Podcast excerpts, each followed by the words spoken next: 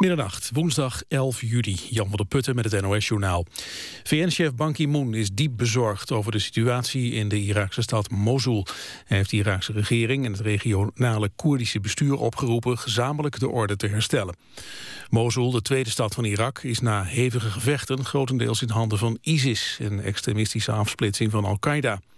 Premier Maliki heeft het parlement gevraagd de noodtoestand uit te roepen. De Verenigde Staten noemen de val van Mosul zeer ernstig. Volgens de Amerikaanse regering is ISIS niet alleen een bedreiging voor Irak, maar voor de hele regio. Nederlandse F-16's hebben tijdens vluchten boven Afghanistan bommen afgeworpen op opstandelingen. Het is aannemelijk dat ze daarbij vijandelijke strijders zijn omgekomen, zegt een woordvoerder van het ministerie van Defensie. Volgens de woordvoerder is het bijzonder dat bommen worden afgeworpen, omdat dat betekent dat er geen andere manier was om een eind te maken aan het geweld. In meer dan 200 huizen in Groningen wordt deze zomer een bevingssensor geplaatst. Gaswinningsbedrijf NAM wil zo meten hoe zwaar aardbevingen zijn en hoeveel schade ze aanrichten. De NAM heeft al sensoren in de grond zitten, maar de metingen aan de oppervlakte zijn nieuw. De gegevens wil de NAM gebruiken om huizen steviger te maken in de toekomst. Ruim 500 mensen hebben zich aangemeld bij de NAM om een sensor in huis te krijgen. Vorig jaar zijn er opnieuw meer meldingen van ouderenmishandeling gedaan. Dat meldt het landelijk platform Bestrijding Ouderenmishandeling. Het aantal meldingen stijgt gestaag sinds 2010. Het is mogelijk dat recente campagnes bijdragen aan die stijging van het aantal meldingen. Volgens het platform is ouderenmishandeling lang taboe geweest. Het weer nog, vannacht geleidelijk overal droog en het wordt een graad of 15. Overdag flinke periode met zon en alleen in het zuidoosten kans op een bui. Het wordt 18 tot 25 graden. Dit was het NOS Journaal. Radio 1. VPRO. Nooit meer slapen.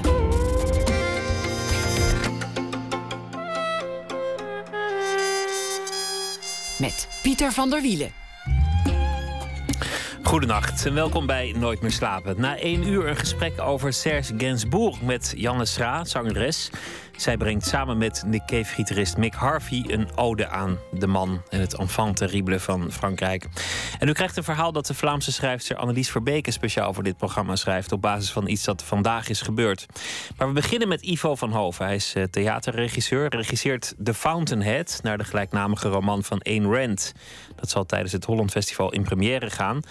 Ayn Rand, uh, schrijfster, geprezen door de Tea Party. Ook uh, de favoriet van Mark Rutte. Het meest invloedrijke boek van de 20e eeuw na de Bijbel. En dit boek was een lofzang op het individualisme. Ivo van Hoven werd geboren in 1958. Begon in de jaren 80 in Vlaanderen met theater maken. Is sinds 2001 directeur van toneelgroep Amsterdam. Werkt daarnaast ook internationaal als regisseur van toneel en opera. In Madrid, Parijs, New York en nog vele andere plekken. Kreeg daarvoor vele prijzen, onderscheidingen, eredoctoraten. Gevraagd waar hij de tijd vandaan haalt en de energie, zei hij onlangs: Ik leef voor het theater. Daar haal ik de tijd vandaan. Welkom, Ivo van Hoven. Goedenavond, goedenacht. Goedenacht. Dat is een mooie duidelijke uitspraak. Ik leef voor het theater. Meteen alles helder. Ja, ja die, en die helderheid is ook een waarheid in dit geval. Eh, dat wil niet zeggen dat ik geen, geen leven heb buiten het theater. Maar het is wel zo dat theater maken, opera maken. Uh, dat ik daar met, met mijn hele uh, ziel en zaligheid aan werk. En dat, dat het ook voor mij iets moet betekenen, echt in mijn leven. Want ik ga ervan uit, als het voor mij echt iets betekent in mijn leven, dat het dan ook misschien voor een paar andere mensen ook iets gaat betekenen. Als het voor mij al maar een, maar een job is, ja, dan gaat het niet echt veel niet echt veel mensen raken. En dat is toch wat je wil als theatermaker. Je wil iemand raken en dat kan je alleen maar door dingen te doen waar het jezelf 180% in gelooft. Je kunt het niet als baan doen. Het moet een roeping zijn. Ja, er zijn er heel veel die het doen als baan, dus het kan wel. Maar ik vind dat bijzonder oninteressant. ik, ik ben alleen maar geïnteresseerd in andere regisseurs die risico's nemen, die durven te falen. Want als je risico's neemt, dan is er ook de kans dat je faalt. Ik ga nu Fountainhead doen. Ik heb nog nooit een roman op het toneel gebracht en dan doe ik meteen een roman van 750 pagina's. Ja, ik kan het mezelf makkelijker maken dan dat. Maar ik geloof erin, ik, ik wil ervoor gaan. En dan neem je ook een risico natuurlijk, hè, want die lat ligt heel hoog. Zoals op de Olympische Spelen mensen proberen Olympische records uh, uh, te evenaren of te verbeteren. En dat wil ik als theatermaker ook met elke productie. Zijn er momenten dat je theater haat? Nee. Dat je het zat bent, dat je denkt, nou, waar doe nee, je maar het ik, heb natuurlijk ook wel eens, ik ben ook wel eens grumpy. Ja, ik loop niet elke keer als een, als een lachenbekje rond.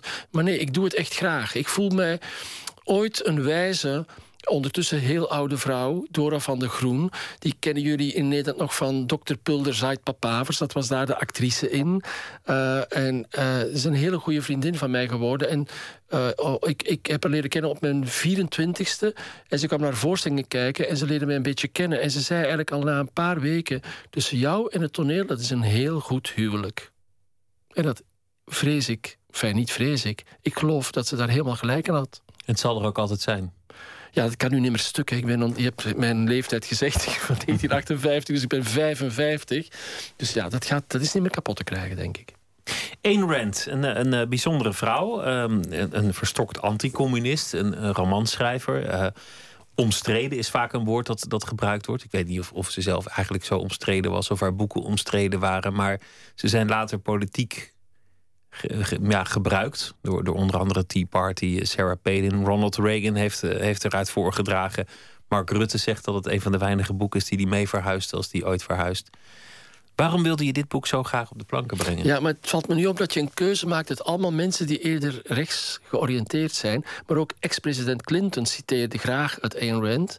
Eh, ook Adelheid Roze bijvoorbeeld draagt The Fountainhead, het boek van Ayn Rand, op handen. Mm, Ik kan zo nog een aantal mensen opnoemen Actrice die Eva eerder... Mendes is een, is een groot Nee, fan. Ik bedoel, Ik- je ja, moet het in de juiste perspectief plaatsen. Maar het is natuurlijk zo, daar moeten we ook niet naast kijken, dat zeker de laatste jaren en zeker bij de laatste verkiezingen eh, het, het, het gedachtegoed van Ayn Rand en met name, ze heeft twee grote romans geschreven: The Fountainhead, wat wij doen, en daarnaast Atlas Shrugged. En Atlas Shrugged is een roman echt over het kapitalisme. The Fountainhead, je hebt het er straks al aangegeven, over individualisme. En het is met name die Atlas Shrugged die door de Tea Party, dat is, en dat is inderdaad wat wij toch extreem rechtse gedachtegangen zouden noemen, eh, geannexeerd is als hun Bijbel. En ja, eh, eh, ik merk alleen dat als je die romans gaat lezen, en zeker de Fountainhead gaat lezen, eh, dat er ook heel veel andere, heel veel andere ideeën in zitten dan alleen maar rechtse ideeën. Het is een beetje, het is misschien een hele foute vergelijking, maar Wagner is ook geannexeerd door Hitler, waardoor dat, eh, eh, het werk van Wagner ook hele lange tijd eigenlijk in een verdomhoekje terecht is gekomen. Terwijl Wagner heeft natuurlijk wel fenomenaal muzikale werken en fenomenale operas geschreven. Het zijn fascinerende romans, los van wat iemand er politiek van maakt natuurlijk. Het zijn geen, het zijn geen dictaten, maar ze heeft het zelf niet echt in de, eh, in de weg gestaan dat het politiek gebruikt werd. En daarna is er ook een stichting in het leven geroepen die over haar nalatenschap waakt. Moest jij ook eerst eh, bedelen bij die stichting? bedelen. Wij moesten een aanvraag doen. Ik, ik, ik heb het boek gekregen van eh, iemand, Matthias Mooi. En Matthias Mooi was mijn assistent bij hele grote producties. En de Romeinse tragedies in 2007, eh, eh, toen gaf hij mij op de première dat boek, The Fountainhead. Ik kende Ayn Rand totaal niet. En dat boek totaal niet. En hij had erin geschreven: Dit moet jij lezen nu. Moet, in grote letters. Ik dacht, ja goed, Matthias, ik acht hem hoog, ik respecteer hem eh, hoog. Dus ik dacht, ja, ik ga het lezen. En toen heb ik dat boek eh, meegenomen op vakantie. Ik dacht, ja, ik lees een paar bladzijden en dan leg ik het opzij. Dan ga ik hem een mailtje sturen, dankjewel, maar het is me niet gelukt. Maar dat was niet zo, want ik begon het boek te lezen en ik ben niet mee gestopt. Het was voor mij echt een page-turner. Ik ben niet zo'n grote romanlezer, dus het, het is toch 750 pagina's. Dat heb ik toch in één ruk op een paar dagen tijd helemaal uitgelezen. Toen, heb ik, toen zag ik daar meteen een toneelstuk in 2007. Toen hebben we inderdaad eh, bij de Ayn Rand Foundation een aanvraag gedaan. En toen kregen we nul op het request. We konden de rechten niet krijgen. En ik vermoedde toen al dat het was omwille van filmplannen. En dat is nu ook gebleken. Wat is er aan de hand? Eh, Angelina Jolie die heeft toen Atlas Shrugged verfilmd, dat wil zeggen als actrice. Zij speelde daar de grote rol in. En natuurlijk dan gaan eh, producenten gaan dan de rechten van al die andere eh, boeken eh, claimen alvast. Voor als het een succes wordt, dan gaan ze natuurlijk die andere film ook maken van het andere boek. En nu blijkt die producent Brad Pitt geweest te zijn. Dus Brad Pitt blijkt dus al die jaren de recht om dan maar over iemand te hebben die nu niet meteen zo rechts is in het Amerika van nu. Die heeft dus jaren de rechten van die boeken gehad. En het is pas twee jaar geleden dat hij blijkbaar die rechten heeft vrijgelaten. En wij hebben die rechten blijven aanvragen elke vier maanden. En plotseling hebben ze gekregen. Er is een keer een, een verfilming van gemaakt. In, in de jaren 50 al, geloof ik, in, in Amerika. Dat was toen een, uh, een succes. We hebben een, een, fragment uit die film. De, de hoofdpersoon, Howard Rourke, hij is een uh, briljante architect. Die, uh, die, die, zegt iets als filmpersonage. Thousands of years ago, the first man discovered how to make fire. He was probably burned at the stake he had taught his brothers to light, but he left them a gift they had not conceived, and he lifted darkness off the earth. Throughout the centuries, there were men who took first steps down new roads, armed with nothing but their own vision. The great creators, the thinkers, the artists, the scientists, the inventors, stood alone against the men of their time. Every new thought was opposed, every new invention was denounced. But the men of unborrowed vision went ahead. They fought, they suffered, and they paid, but they won. Ja, um, Ayn Rand die, die eh, wordt, wordt ook gezien als een, uh, een, filosoof van het individualisme. Dus sommigen zeggen zelfs het, het, egoïsme, maar dat, dat, is, dat gaat natuurlijk weer een stap te ver. Ze wordt ook gezien als een, een verstokt anticommunist. In, in het eh, boek Atlas Shrugged gaat het eigenlijk over een samenleving, een, een dystopie, een, een doemscenario van een, van een tijd waarin het individuele initiatief, het entrepreneurschap is ontnomen, waarin alles opgaat aan het collectief. Dit boek gaat over het, het persoonlijke. Vertel er eens wat over. Ja, het fragment dat u net laat horen is het einde van het boek. Uh, en vertelt eigenlijk wel veel over haar instelling. Namelijk, zij gelooft echt erin dat uh, zonder visionaire mensen, dat woordje vision viel ook, zonder mensen die ooit een visie hadden, zonder Prometheus, die ooit het vuur gebracht heeft aan mensen, zouden we onszelf niet kunnen verwarmen, zouden we niet kunnen leven. Dus zij beweert, zij beweert, en ik ondersteun dat eigenlijk, dat er creators moeten zijn, mensen die aan een schepping staan, die durven een risico te nemen, die durven uh, visionair te denken, zonder dat ze weten dat alles ook realiseerbaar zal zijn. Uh, en daar heeft zij hoge achting voor. En die Howard Rourke, die briljante architect, zoals je het zegt, dat is zo'n visionair, dat is een idealist. Dat is iemand die zijn idealen ook rukzichtloos volgt, die, die daar absoluut geen compromissen wil over afsluiten. En zij vindt mensen die compromissen afsluiten, dat vindt ze, ze noemt dat second-handers, uh, uh, tweederangs mensen, tweedehands mensen, mensen die alleen maar kopies maken van wat andere mensen al uitgevonden hebben. Dus op dat vlak is dit boek eigenlijk een ode, ja, ook aan de kunstenaar een beetje, aan degene die durft zijn nek uit te steken. En die het risico neemt dat, uh, dat je vervolgens uh, dat je hoofd wordt afgehakt. En daar heeft zij hoge achting voor. En ik eigenlijk ook binnen de kunst. Alleen bij haar is altijd vervelende dat ze dat ook doortrekt naar het maatschappelijke, naar het politieke. Het is ook in onze voorstelling heb ik het erin gelaten. In het boek The Fountain, het is er één keer, slechts één keer een echt politieke uitspraak. Wanneer het Howard Rook zich echt keert tegen belastingen betalen tegen wat wij zouden noemen nu de verzorgingsstaat. Ja, dat woord wordt niet gebruikt, want dat bestond toen nog niet. Maar tegen het feit dat je ook moet zorg dragen, uh, dat je in, in, een samenleving een gemeenschappelijke verantwoordelijkheid hebt. Daar is ze absoluut tegen. En dat is natuurlijk dat extreem liberalisme waar het uit haar gedachtegoed is voorgekomen. Maar in de Fountainhead voert dat totaal niet de boventoon. Want daar gaat het over het architectenmilieu. Voor mij dus over een meer artistiek getint milieu. En daarin is natuurlijk idealisme gewoon mensen die iets durven doen wat nog nooit gebeurd is, ja, daar hebben we grote behoefte aan. De Theo van Goghs die verpauperd gestorven zijn, maar die wel bleven schilderen wat ze wilden eh, schilderen. Bedoel je, sorry. Vincent van Gogh, Vincent, ja, sorry. Ik, ik haal ze ook altijd door elkaar. Maar Vincent van Gogh. Ja. Het is laat, hè, op de avond. Ja, ja. um, Frank Lloyd Wright. Er wordt gezegd dat, dat deze uh, roman stiekem geïnspireerd is op, op de architect Frank Lloyd Wright. Ja, hij, hij, heeft dat altijd betwist en hij zei... en als het zo is, dan wil ik het niet. Uh, maar het, ja, dat is natuurlijk niet te bewijzen, maar alles wijst erop. Frank, Lloyd Wright was natuurlijk in het begin van de vorige eeuw de grote pionier van het modernisme in de architectuur. Het modernisme dat ging voor functionaliteit, dat ook een hele andere uh, vormgeving in de gebouwen had, waarbij het niet, het, een gebouw niet meer wilde pronken met zijn buitenkant, maar eigenlijk heel erg functioneel mensen wil laten wonen op een totaal nieuw, op dat moment totaal nieuwe en vernieuwende manier. En Frank Lloyd was daar de grote pionier van. En hoogstwaarschijnlijk voor haar het grote voorbeeld voor Howard Rourke. In het begin van het boek, uh, daar begint uh, het al meteen, dan, dan wordt Howard Rourke onderwezen op, uh, op de Academie voor de Bouwkunst. En dan wil hij eigenlijk alles dat gaat over geschiedenis en traditie en stromingen, dat, dat wil hij niet weten. Hij wil gewoon alleen maar de techniek. Hoe maak ik een gebouw? En, en dan zegt zijn docent: ja, maar het is belangrijk om te weten wat je voorgangers hebben gedaan. Je maakt deel uit van een samenleving, van een school, van een stroming. En dan zegt hij: daar heb ik maling aan. Ik maak gebouwen en ik doe het beter dan de rest. Vond ik een veelzeggend fragment meteen. Ja. En eigenlijk uh, heel bijzonder dat iemand op zo'n jonge leeftijd, want op dat moment is hij maar net in de twintig uh, in het boek, dat hij dat durft. Dat hij, uh, en anderzijds is het ook heel herkenbaar. Want als je twintig bent, dan durf je dat inderdaad. Ja, dan heb tegen je de stroom. Aan, aan dan heb lullen. je opmaling eraan. Ik, op mijn manier, toen als we begonnen, toen als we twintig waren, we wilden absoluut niet in de schouwburgen werken. Wij wilden locatievoorstellingen maken. Dat was een dikke fuck you tegen, de, tegen alles wat theater was in België op dat moment. Wij wilden niet met spots, met, met de klassieke verlichtingen. Wij werkten voor toen met neonlampen. Dat was toen nieuw, dat was toen vernieuwend.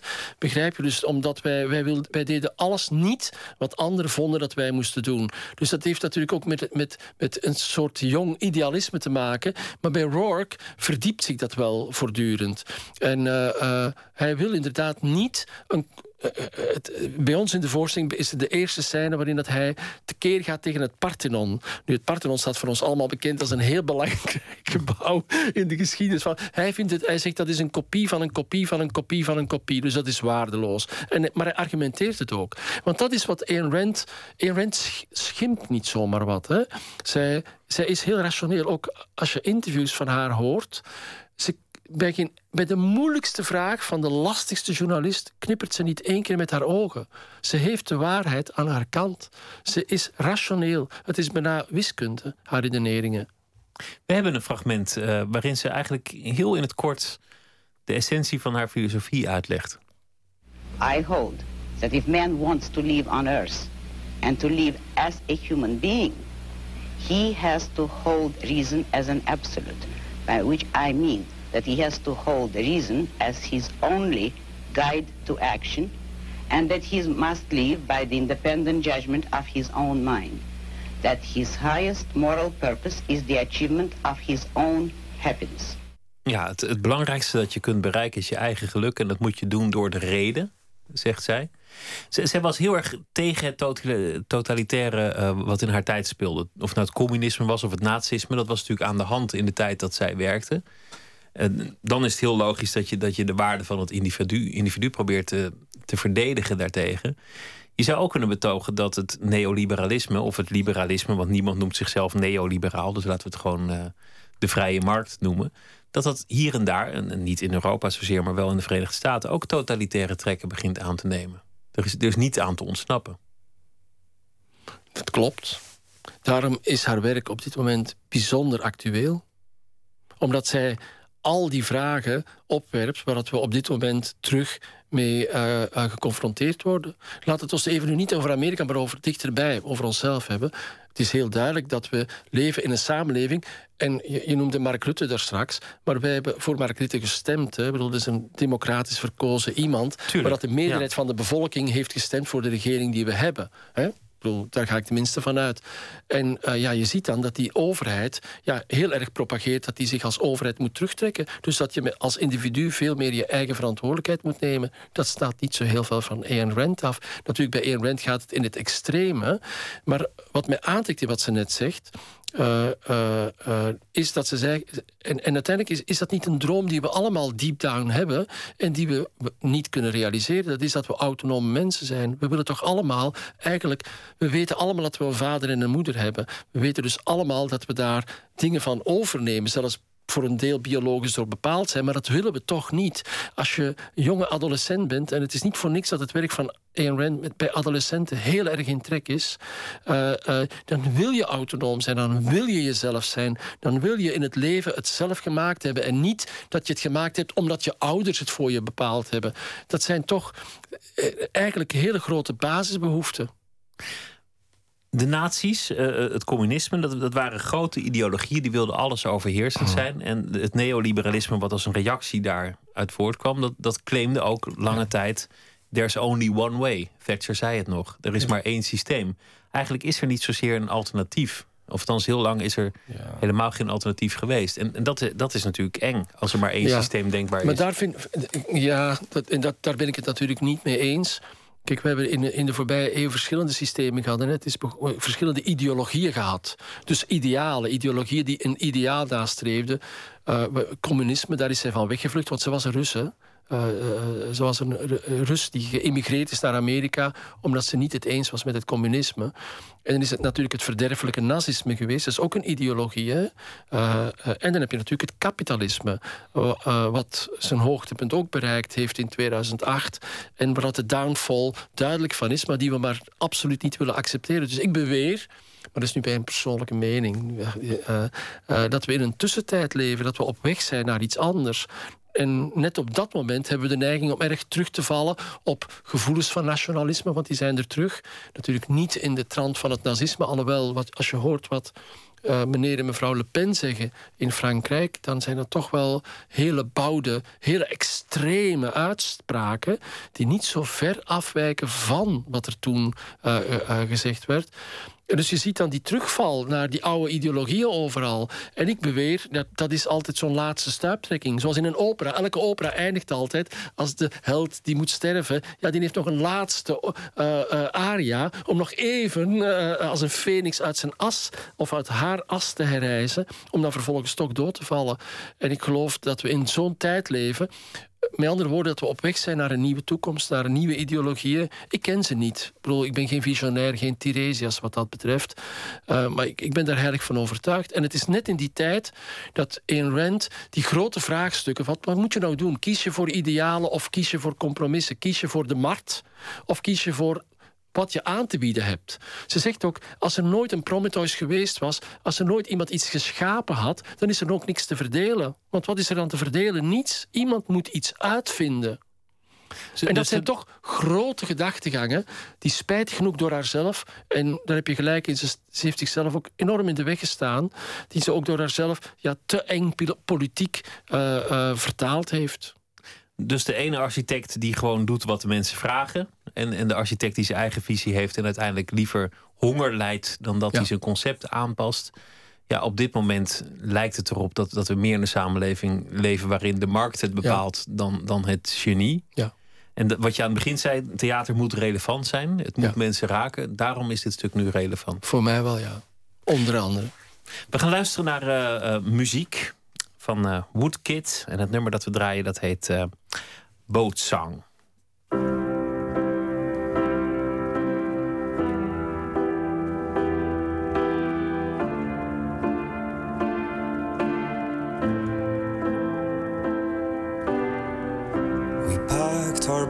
And said farewell. And tied the knot and raised a sail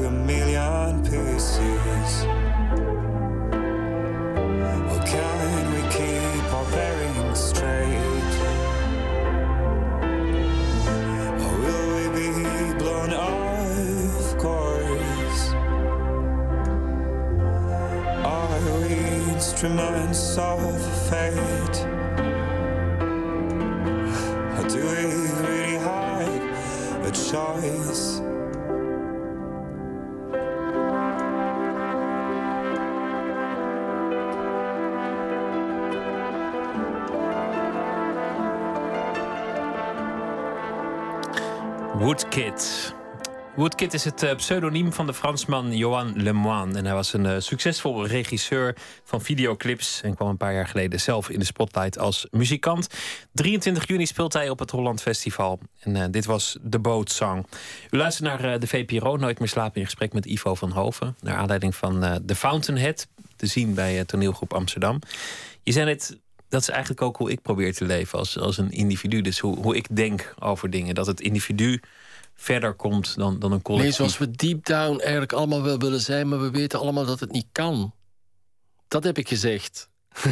maar het verlangen zit er. Maar natuurlijk, dat is toch, je wilt toch jezelf zijn. Je wilt toch het gevoel hebben dat je iets in de wereld te betekenen hebt. Dat je iets te betekenen hebt gehad. Dat je iets kunt nalaten. Dat je iets veroorzaakt hebt. Tenminste, dat wil ik wel, ja. Een architect zit achter een, een, tekentafel. En daar kan hij nog redelijk zijn gang gaan. Daar kan hij zelf een, een, een prachtige ja, prachtig ontwerp maken, prachtig gebouw. Maar dan vervolgens dan wordt het leven van de architect lastig. Dan komen er aannemers die zeggen: Nou ja, die kleur rood is voor tegeltjes heel moeilijk te krijgen. En dan komen de bewoners die er, die er luiken op willen plakken. Dus architecten die, die hebben een zekere fase van hun leven geluk en daarna hebben ze pech. Maar een toneelregisseur heeft zelfs die eerste fase volgens mij niet. Jawel, die heb ik ook. Ja? Ik kan namelijk zelf bepalen welk stuk ik wil gaan opvoeren. Of welk boek ik wil op het toneel brengen. Of welk filmscenario ik op het toneel wil brengen. Dat kan ik wel zelf helemaal bepalen. Maar daarna moet je voorbij acteurs en, en uh, ja, maar. Ik vind ja, maar nu, nu, zeg je dat heel pejoratief. Maar dat vind ik natuurlijk helemaal geen kwelling. in tegendeel. Uh, uh, dat vind ik een zegening. Dat is nou net het fijne aan mijn beroep. Dat ik heb een fase dat ik eigenlijk heel, samen met heel weinig mensen een voorbereiding doe van een toneelstuk. Nadat een stuk gekozen is, of een, of een tekst gekozen is, dan ga je, dat, ga je fantasie opbouwen, een wereld creëren waarin het dat stuk kan opgevoerd worden. Uh, en daarna komen die acteurs erbij, ja, en dan, gaat, uh, uh, dan krijg je heel veel nieuwe inspiratie ik, ik, ik vind een goede regisseur moet altijd dat wat hij weet, dat weet hij al. Hij moet openstaan voor dat te weten te komen wat hij nog niet weet. En daar brengen die acteurs heel veel aan. En dat is een zegening, dat is alleen maar een verrijking. Kun je als, als individu schitteren via een, een, eh, een, een toneeltroep, een toneelgroep, een bende? Ja, ik heb in ieder geval wel het gevoel dat de, de voorstellingen die ik gemaakt heb... Uh, voor een groot deel autobiografisch zijn, ja. En ik ben toch niet op de scène aanwezig. Heerlijk. En op de première zit je en kan je eigenlijk niet zoveel meer doen. Dan, dan zit je in de zaal. Dat is een verschrikking. Tenminste, vlak voordat de première begint. Eén keer dat ik bijvoorbeeld, ik ben ook een regisseur die altijd naar mijn premières gaat kijken. Gaat kijken. Er zijn ook heel veel regisseurs die dan gaan eten met hun team. Of, kan ik me niks bij inbeelden. Dus ik wil daar zitten. Ik zit daar dan. En dan vanaf het begonnen is, kan ik me ontspannen. Maar het uur ervoor is een huil. Want je weet dat je niks meer kan betekenen. Je moet vooral niet veel in de gangen gaan rondlopen. Want dan maak je iedereen maar nerveus met je eigen zenuwen. Dus dat heeft geen enkele zin uh, om dat te doen. Uh, maar dat blijft, ik ben nu 55, ik doe het meer dan 30 jaar. Dat blijft altijd een hel. Zondag zal dat weer zo zijn. Dan loop ik daar weer te ijsberen. Leiderschap, dat is absoluut een vaardigheid die, die een regisseur moet hebben. En, je, je, bent ook nog directeur, dus het gaat eigenlijk nog iets verder bij Toneelgroep Amsterdam. Eh, bij, bij de televisie, waar ik ook nog wel eens uh, wat, nou ja, wat, wat pasjes heb gewaagd, daar, vond ik dat altijd verschrikkelijk. Dan had je een opname en dan was, was het licht niet goed en dan was iedereen roken. Camera roken, geluid roken, autocue roken. En voor je iedereen weer op de post had, was je een kwartier verder. Als het niet live was, hè, want dan wist iedereen waar die moest zijn. Bij toneel is dat nog veel erger. Ik, ik ben bij de repetitie geweest en ik zag dat jij wel je best deed om iedereen op zijn post te houden. Maar dat is, dat is een kunst. Alleen dat al. Ja, maar. Kijk, ik, heb, ik, ik geef soms wel eens een lezing over uh, uh, regisseren als leiderschap. En dan geef ik altijd heb ik twee fantastische fragmentjes eh, van dirigenten. En de, het eerste, ik begin mijn lezing altijd met Riccardo Muti. Riccardo Muti staat voor een fantastisch orkest. En je ziet hem als een typische dirigent, streng, autoritair. elke noot die fout klinkt, kijkt hij bestraffend. heel erg aanwezig, grote gebaren makend. En dan laat ik helemaal op het einde van die lezing laat ik Leonard Bernstein zien. En die staat met zijn handen over elkaar voor een orkest. En die beweegt enkel nog met zijn lippen, met zijn ogen. Die geeft heel kleine aanwijzingen. En die krijgt hetzelfde voor elkaar. Dat orkest speelt top. En natuurlijk, dat probeer ik te zijn. dat lukt natuurlijk niet altijd. Maar uh, God, eh, je moet natuurlijk. Eh, de kunst is inderdaad om heel veel verschillende mensen. Want aan deze voorstellingen werken wel 30 tot 40 mensen. Er zijn tien acteurs bij betrokken, maar daarnaast heel veel techniekers daar rondomheen. Want er zit video in, live muziek in. Het uh, is een heel complex. Voor toneel een heel complexe productie. En het is toch de kwestie van, van iedereen op diezelfde golflijn te krijgen. Zonder dat je als een tiran tekeer moet gaan ik kan wel vinden dat ik het centrum ben. En dat ben ik misschien op het einde van de dag ook wel, als er echt een beslissing moet genomen worden. Maar het is toch mooi als mensen tot hun eigen beslissingen komen. Als een acteur het gevoel heeft dat hij zelf alles bedacht heeft. Dat is toch het ultimum. Wordt er niet gemuid? Niet bij mij. ik weet het niet. dat weet ik natuurlijk niet. Nee. Nou ja. ik ben de kapitein op het schip. Ik weet niet wat er gemaakt Nee, ik, ik, ik denk dat ik in het toneel een vrij ontspannen iemand ben. Ik denk dat ik uh, mij daar goed in kan bewegen. In, uh, uh, ik, ik maakte. Een, een, twee maanden geleden had ik een première in Londen. Voor de eerste keer werkte ik met Engelse acteurs. Ik had het nog nooit gedaan acteurs die ik niet kende. En er zat, er was een View from the Bridge. Uh, en er was een, een, een, star in, Mark Strong. Die, die heeft in Zero Dark Thirty heel veel films. Enfin, je kent als je gezicht ziet, ken je hem. En, uh, maar die had 14 jaar of 12 jaar geen toneel meer gespeeld. En dat was heel goed gegaan tijdens dat repetitieproces. Ik dacht, ja, het is helemaal binnen. En toen plotseling, drie dagen voordat het publiek zou komen kijken... hij kwam s ochtends binnen en ik denk dat is een andere Mark Strong dan die, die, gisteren hier buiten is gegaan. En plotseling in zijn hoofd was er dus een soort, ik weet niet wat, een soort faalangst binnengetreden. Dus hij wou plotseling een oortje om, oh, dat hij zou gesouffleerd worden als hij het niet zou weten. En heel gedoe. En toen dacht ik, toen kwam iedereen naar mij van het theater, wat moeten we doen? ik zeg, rustig blijven, geef hem een oortje, laat er iemand inspreken. We gaan even heel rustig blijven. En doordat ik zo rustig bleef en eh, binnen de drie dagen was het oortje er terug uit. Was hij helemaal in orde. En ja, dat is dus de kunst. Je moet een soort intuïtief aanvoelen hebben, voelen hebben wanneer dat je niks moet doen. Niets doen als regisseur is heel, weten wanneer je niets moet doen, is het allerbelangrijkste. Je moet niet de hele tijd aanwezig zijn. Je moet niet de hele tijd je mening over alles en nog wat geven. Je moet vooral niet de hele tijd zeggen wat je ziet. Want ik zit natuurlijk in de zaal, ik zie precies wanneer een acteur goed is en wanneer het niet goed is. Maar je moet het vooral niet altijd benoemen. Ik heb bepaalde acteurs waar dat ik heel goed mee kan werken en die bij mij tot grote hoogte komen. Bij andere regisseurs niet zo, omdat ze zich bij mij gerustgesteld voelen. Ze kunnen, ze kunnen zichzelf zijn. Tenminste, dat gevoel hebben ze. Dat is toch de kunst. Dus de kunst is niet om als een tiran voortdurend te zeggen wat wel en wat niet. Het is, een, het is een mooi verhaal, misschien, ja, misschien duurt het te lang, maar een grote regisseur, Peter Zadek, een Duitse regisseur, ondertussen gestorven, die uh, hoorde ik ooit op een nabespreking zeggen dat die, er was een acteur, en het ging helemaal niet in een repetitieproces.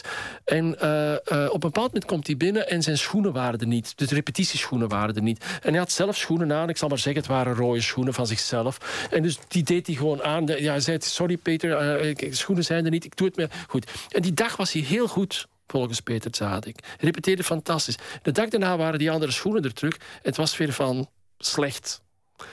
En toen dacht Peter Zadek, wat doe ik nu? Ga ik nu zeggen dat hij die andere schoenen terug aan moet? Ja of nee? En heeft, gezegd, heeft daar niks van gezegd. Tot als die acteur een paar dagen voor de première zei... Peter, weet je nog, die ene dag toen als ik die rode schoenen aan had... wat vond je, vond je dat nou niet beter? En Peter zat zei, ja, dat vond ik beter. Dat is de kunst. De kunst van het wachten. Maar iedereen werkt in, in, Heel moeilijk is dat, hè? Iedereen werkt met zijn ziel en met zijn zaligheid. Staat ook nog in de kijker. Er, er, er, er is pers bij betrokken. Dus het emotioneel, het, het, het is gewoon een emotioneel proces. Ook voor jou. Je zegt met mijn ziel en mijn zaligheid, mijn leven. Alles wat ik te zeggen heb, zit in dat theater. Ramsi Nasser die doet mee in deze eh, voorstelling. Jij hebt hem eh, persoonlijk gevraagd of hij die, of die mee wilde doen bij Toneelgroep Amsterdam. Hij gaf een interview in de krant en toen zei hij: We hebben afgesproken dat als ik weer weg zou gaan, om wat voor reden dan ook, hebben we op voorhand afgesproken dat we dan wel vrienden blijven, dat we dan elkaar kunnen aankijken. Ja. Vond ik een opmerkelijke afspraak, om, omdat daar al zoveel emotie in zit. Dat zegt. Ja, dat, dat klopt. Wat je zegt klopt. En uh, hij is al een keer weggegaan bij mij. Dus, want hij is al een keer bij het ensemble. Bij, toen ik het Zalig Toneel nog leidde, was hij ook bij het kleine ensemble dat ik dat toen had. En toen is hij dichter geworden. Ja, ik heb het altijd gesteund. Ik heb er totaal geen moeite mee. het leven is zo kort om, om, uh, om mensen dingen kwalijk te nemen of wat dan ook. En voor mij is het ook eigenlijk van. Het was ook niet zo moeilijk om daar ja op te zeggen. Voel je nooit, voel je nooit uh, gepakt of, nee. of verbitterd of, nee. of gekwetst? Nee. Ik ben wel eens gekwetst, natuurlijk. Maar door acteurs die weggaan, dat is eigenlijk. Ik, zou heel goed moeten gaan nadenken. Nee, ik, ik kan daar heel goed. Uh, het leven is te kort om daarmee bezig te Ik meen het echt. Het is echt te kort om je daarin, om daarin te zwelgen of daarin verbitterd te geraken of, of daarin te blijven hangen, voornamelijk. Bro, nee, dat heb ik helemaal niet. En voor Ramsey was het ook, denk ik, een belangrijk moment om, omdat hij ook onzeker was. Want hij had 14 jaar geen toneel gespeeld. Hè. Ramsey eh, is van de toneelschool meteen bij mij gekomen. Heeft toen vijf, zes jaar heel intensief toneel gespeeld. Ook Romeo en dergelijke. Mooie rollen. Uh, en is, heeft toen daarna nooit meer toneel gespeeld. Dus het was voor hem ook een soort van terug een stap op, op één nacht ijs. Zo voelde dat voor hem. Dus het was voor mij heel makkelijk om, om hem een hand op de schouder te leggen. En we kennen elkaar goed. Ik zie hem graag. En uh, voor mij was dat helemaal niet zo'n moeilijke belofte. Was ondertussen vergeten hoor. en wanneer, wanneer ben je wel gekwetst? Gepest? Gekwetst. Gekwetst. Ach. Ik ben uh, ontzettend gekwetst wanneer ik echt onheus bejegend word. Uh, en wanneer het mijn integriteit in vraag wordt gesteld.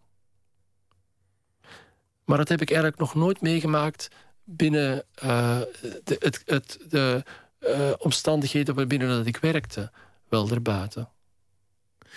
Ik stel die vraag niet zomaar. Ik bedoel, dit is een schot hagel, dat kan je op iedereen afvuren, zo'n vraag. Maar omdat je met zoveel ziel en zaligheid dat werk doet, en, en ook zelf aangeeft dat, dat er zoveel emotie in zit. Dat lijkt me ook iets dat je moet, moet kunnen beheren voor jezelf. Om goed leiding te kunnen geven, moet je controle hebben over al die zenuwen, uh, al die gedrevenheid, al die angsten die je, die je zelf hebt. Ja, maar ik ben nogal goed. Uh, ik, ik, al, als het met mij niet goed gaat of er zit me iets dwars, ben ik een open boek ik, ik kan wel eerlijk zijn, vanochtend uh, ben ik, ik. Ik had een, een, een, een hele vroege ochtendvergadering. En er, zat mij, er zaten mij wel tien dingen dwars. En ik was vanochtend heel vroeg opgestaan om dingen op een rij te zetten. En ik denk, wat, en dat had niets met toneel en niets met deze voorstelling te maken, maar met uh, andere dingen. En toen voor die vergadering zeg ik, ik, er moet iets, ik moet iets zeggen. Toen heb ik dat tegen doordat ik dat kon zeggen, was eigenlijk ik was opgelucht, maar ook iedereen rond de tafel was opgelucht. Omdat ik mijn hart had gelucht en ook duidelijk had aangegeven wat er mij echt was zat. Dus ik ben nogal een open boek. Ik ben niet iemand van de achterkamertjes. Ik ben niet iemand die aan de koffiemachine zit te zeuren over anderen. Ik ben nogal, nogal eerlijk, denk ik. En ik denk dat je als een ja. Ik denk dat iedereen weet dat een ja-woord van mij ook een ja-woord is. En als ik een twijfel uit, is het ook een echte twijfel. Ik ben niet een, een achterbakse uh, uh, figuur die achter de schermen dingen doet. Dus ik ben op dat vlak een leider met open vizier. En ik ben dus ook niet bang van, van botsingen dan. Ik wil ze wel liever vermijden. Maar, maar ik ga wel voor mijn opvattingen, voor mijn mening en voor dat wat ik echt wil realiseren. En onder acteurs wordt, wordt ook, ja, dat, is bij elke acteur wordt natuurlijk afgeblazen. Hè? Mensen zijn gefrustreerd na een, een, een repetitie of, of hebben hun angsten. En dan is de eerste op wie je gaat zaniken is natuurlijk de regisseur. Of, of heb je dat niet zo? Ik denk dat ik heb nogal, ik moet hout vasthouden nu, maar ik heb tot nu toe nogal wat geluk gehad in mijn leven. Maar dat komt omdat ik vrij ontspannen in dat theater sta. Ik ben daar niet gespannen. Ik ben natuurlijk wel eens een keer, uh, ik ben intens, temperamentvol. Dat kan ik echt zijn. Maar uh, ik, ik, denk dat iedereen zich nogal veilig voelt bij mij uh, in het repetitielokaal. En, en, en iedereen weet ook dat ik het, uh, als ik al eens een keer wat heftiger ben, dat het niet persoonlijk is. Ik, ik denk dat, dat acteurs, tenminste dat is mijn ervaring, zich nogal veilig voelen. We gaan weer luisteren naar muziek. En dat is een Britse DJ, producer, multi-instrumentalist en nog wat dingen. Hij reist graag en dat hoor je terug in zijn muziek. Quantic heet hij. Hij komt uit Engeland. Nieuw album gemaakt, Magnetica. En het uh, klinkt ook als een reisverslag, het album. Het nummer heet Painting Silhouettes.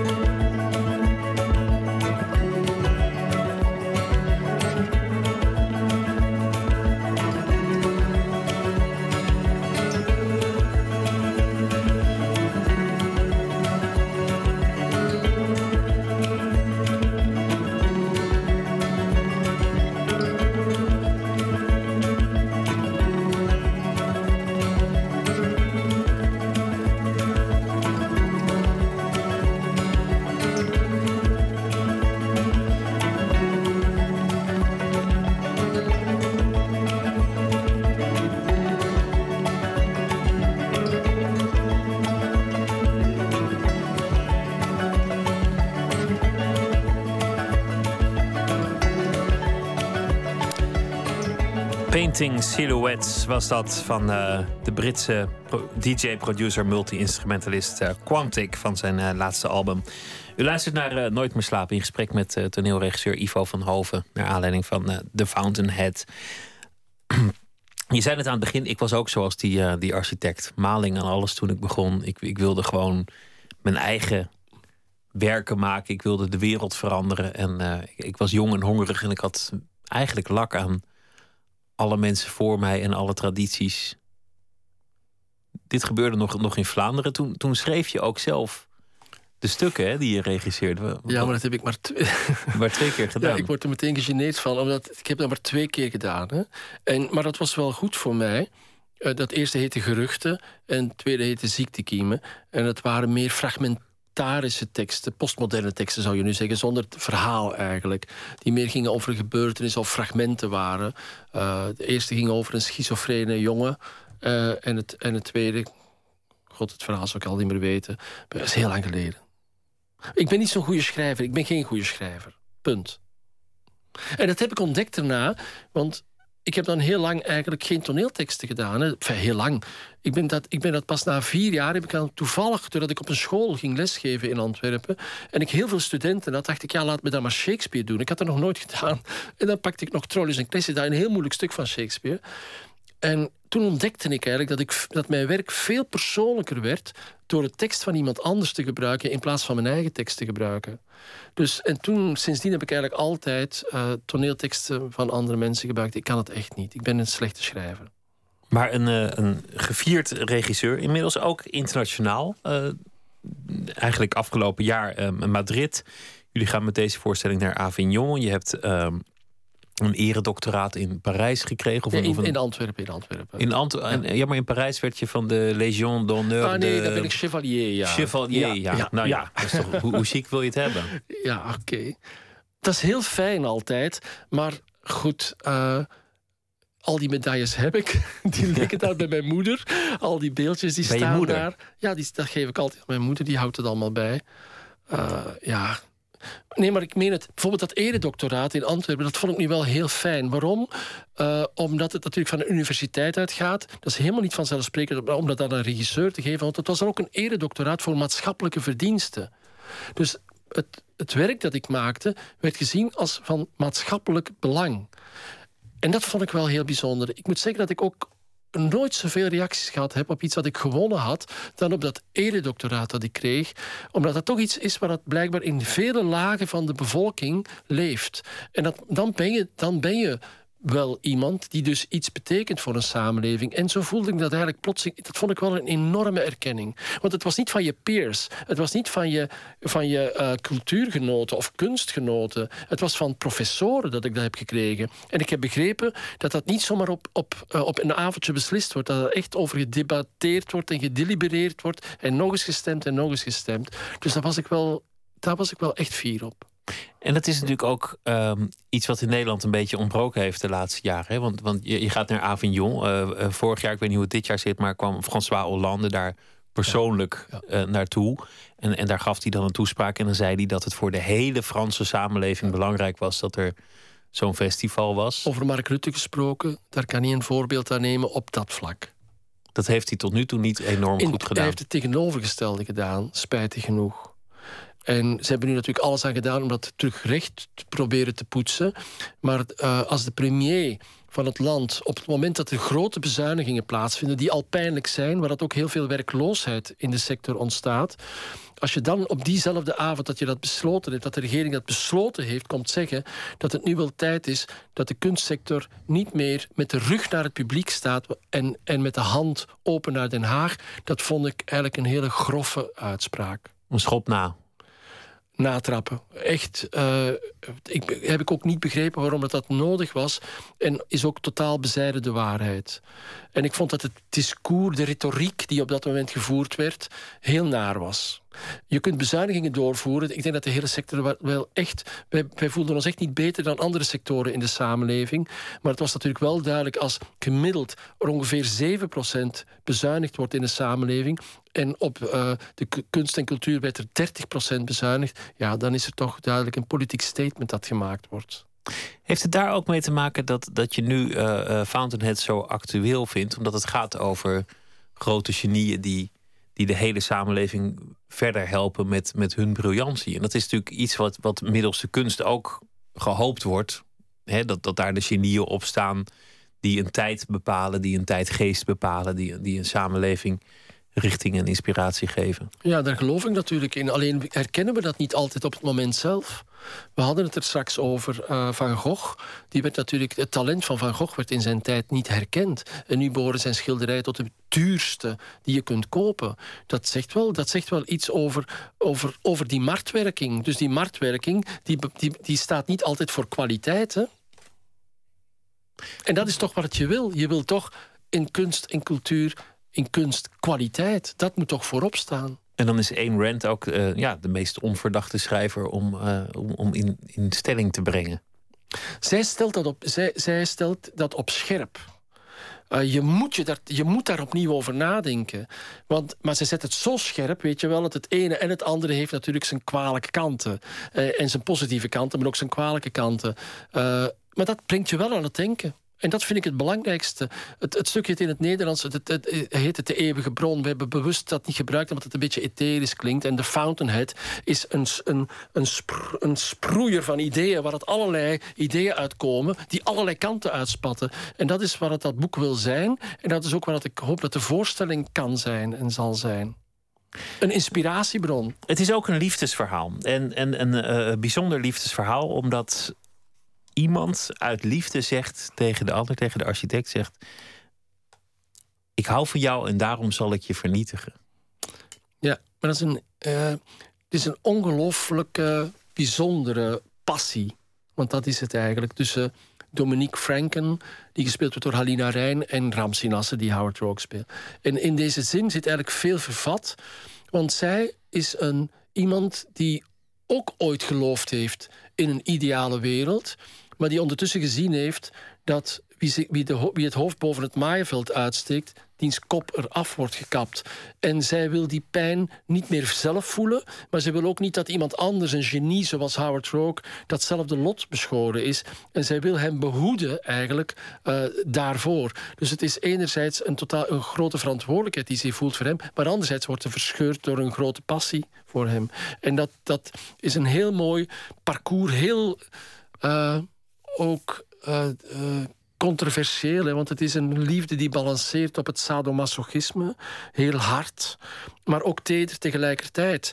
En ook daar is Ayn Rand weer vrij compromisloos in hoe dat ze dat uh, tekent en hoe dat ze ook vindt dat in de liefde mensen uiteindelijk egocentrisch moeten zijn in haar opvatting. Daar heeft ze natuurlijk ook wel een punt omdat dat de liefde gaat natuurlijk ook over zelfopoffering en, en, samen voor altijd. Maar zodra het misloopt, dan zie je dat, dat de vork anders in de stil zit. Hè. Verbitterde geliefden blijken toch een soort boekhouders die elke opoffering ergens in hun brein genoteerd hebben. Alles wat ze hebben gelaten of opgegeven voor de ander. Het is natuurlijk in essentie een egoïstische operatie. Uh, wellicht wel. Ik denk alleen, ik heb zelf een relatie van meer dan 30 jaar. En uh, dat heeft zijn stormachtige periodes. En daar kom je dan weer al dan niet doorheen. En als je daar doorheen... Ik vind het toch, ik vind het toch echt dat, je, dat in de echte liefde... je echt rekening moet houden met elkaar. Vind ik dan weer. Moet. Maar ik vind het ook fantastisch om op het toneel het totaal tegenovergestelde te regisseren. Want daarvoor gaan we toch naar toneelvoorstellingen kijken. Niet om het leven te zien zoals je dat elke dag al beleefd hebt. Maar om gewoon grote utopieën te zien. Grote dromen, grote angsten, nachtmerries te beleven.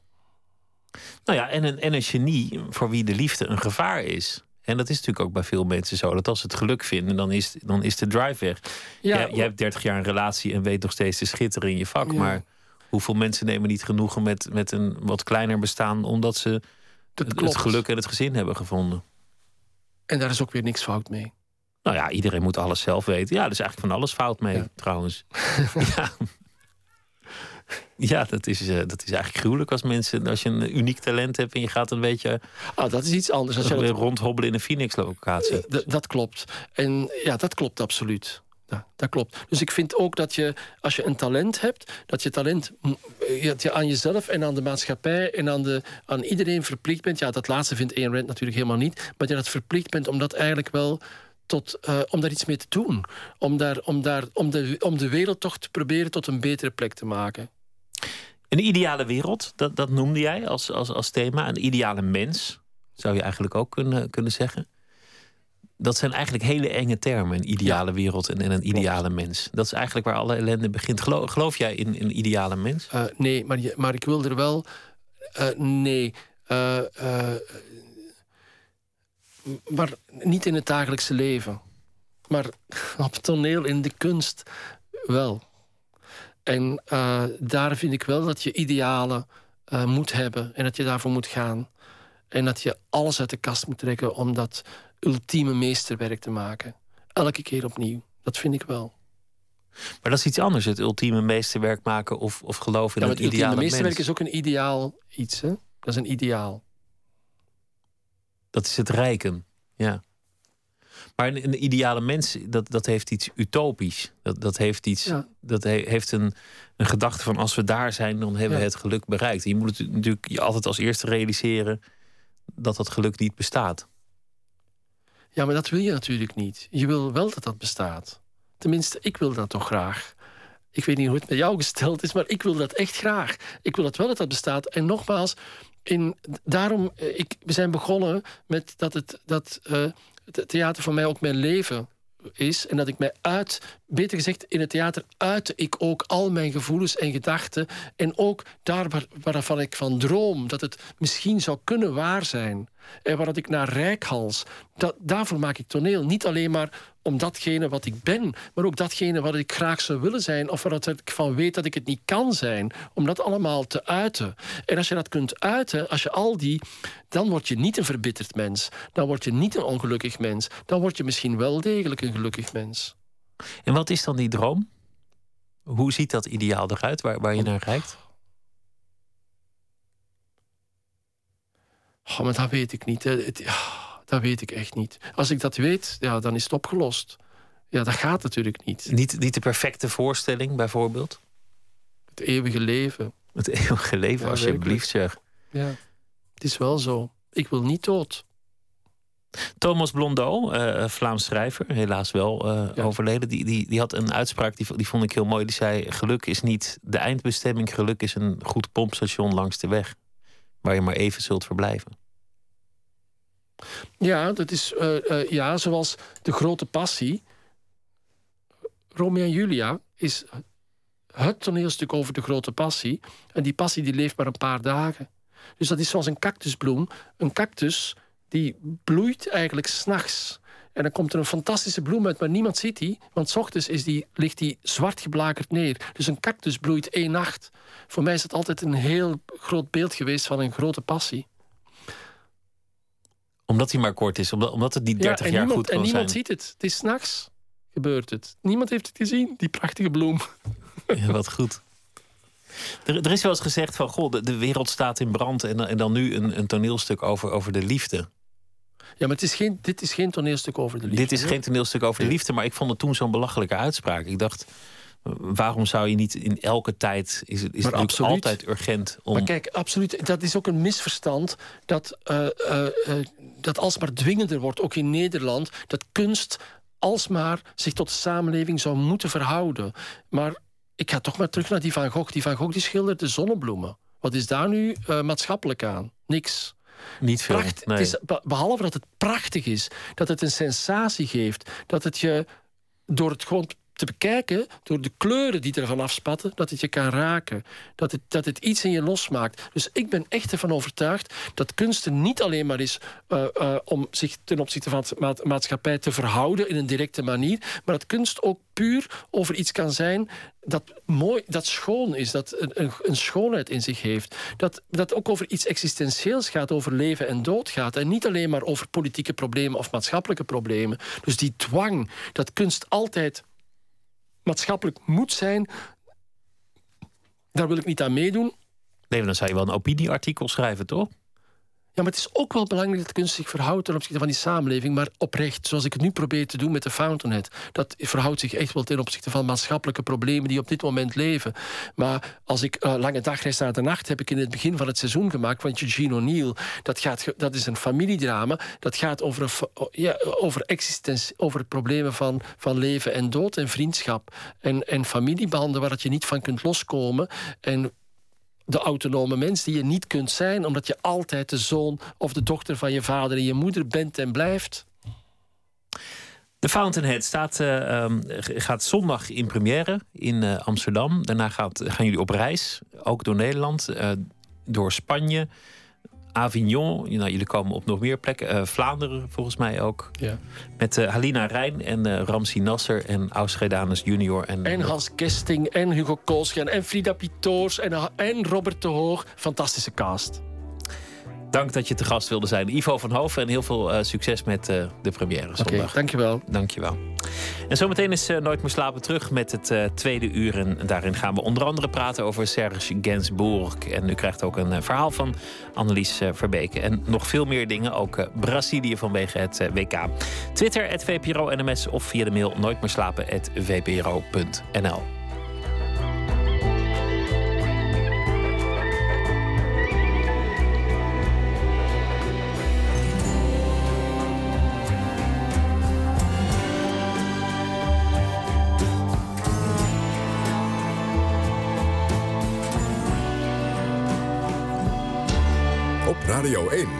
nieuws van alle kanten.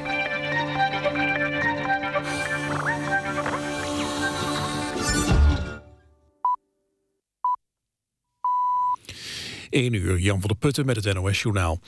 VN-chef Ban Ki-moon is diep bezorgd over de situatie in de Iraakse stad Mosul. Hij heeft de Iraakse regering en het regionale Koerdische bestuur opgeroepen gezamenlijk de orde te herstellen. Mosul, de tweede stad van Irak, is na hevige gevechten grotendeels in handen van ISIS, een extremistische afsplitsing van Al-Qaeda. Premier Maliki heeft het parlement gevraagd de noodtoestand uit te roepen. De Verenigde Staten noemden de val van Mosul zeer ernstig. Volgens de Amerikaanse regering is ISIS niet alleen een bedreiging voor Irak, maar voor de hele regio. In Waddinxveen hebben vanavond ruim 2000 huishoudens een half uur zonder stroom gezeten. De oorzaak was een storing in een transformatorhuisje in een flat. Door een knal ontstond een gat in de buitenmuur. Iemand die vast kwam te zitten in de lift werd door brandweerlieden bevrijd. De oorzaak van de stroomstoring in Waddinxveen is niet bekend. Er komt een onderzoek naar milieuvriendelijke manieren om luiers en incontinentieproducten voor volwassenen te recyclen. Volgens staatssecretaris Mansveld bevatten luiers hoogwaardige papiervezels en kunnen er fosfaten en energie uit worden teruggewonnen. Ruim 5% van het huishoudelijk afval bestaat uit luiers en incontinentiemateriaal. De AIX-index is vandaag gesloten op ruim 415 punten. Dat is de hoogste slotstand in bijna zes jaar. Beleggers zijn optimistisch over de Amerikaanse economie... en de stimuleringsmaatregelen die de Europese Centrale Bank vorige week aankondigde. De Nederlandse hockeyers hebben op het WK in Den Haag met 1-1 gelijk gespeeld tegen Nieuw-Zeeland. En dat was genoeg om groepswinnaar te worden. Oranje speelt daardoor vrijdag in de halve finales tegen Engeland. Het weer vannacht geleidelijk overal droog. Het wordt een graad of 15. Overdag flinke periode met zon. Alleen in het zuidoosten kans op een bui. Het wordt 18 tot 25 graden. Dit was het NOS Journaal. Radio 1. VPRO. Nooit meer slapen.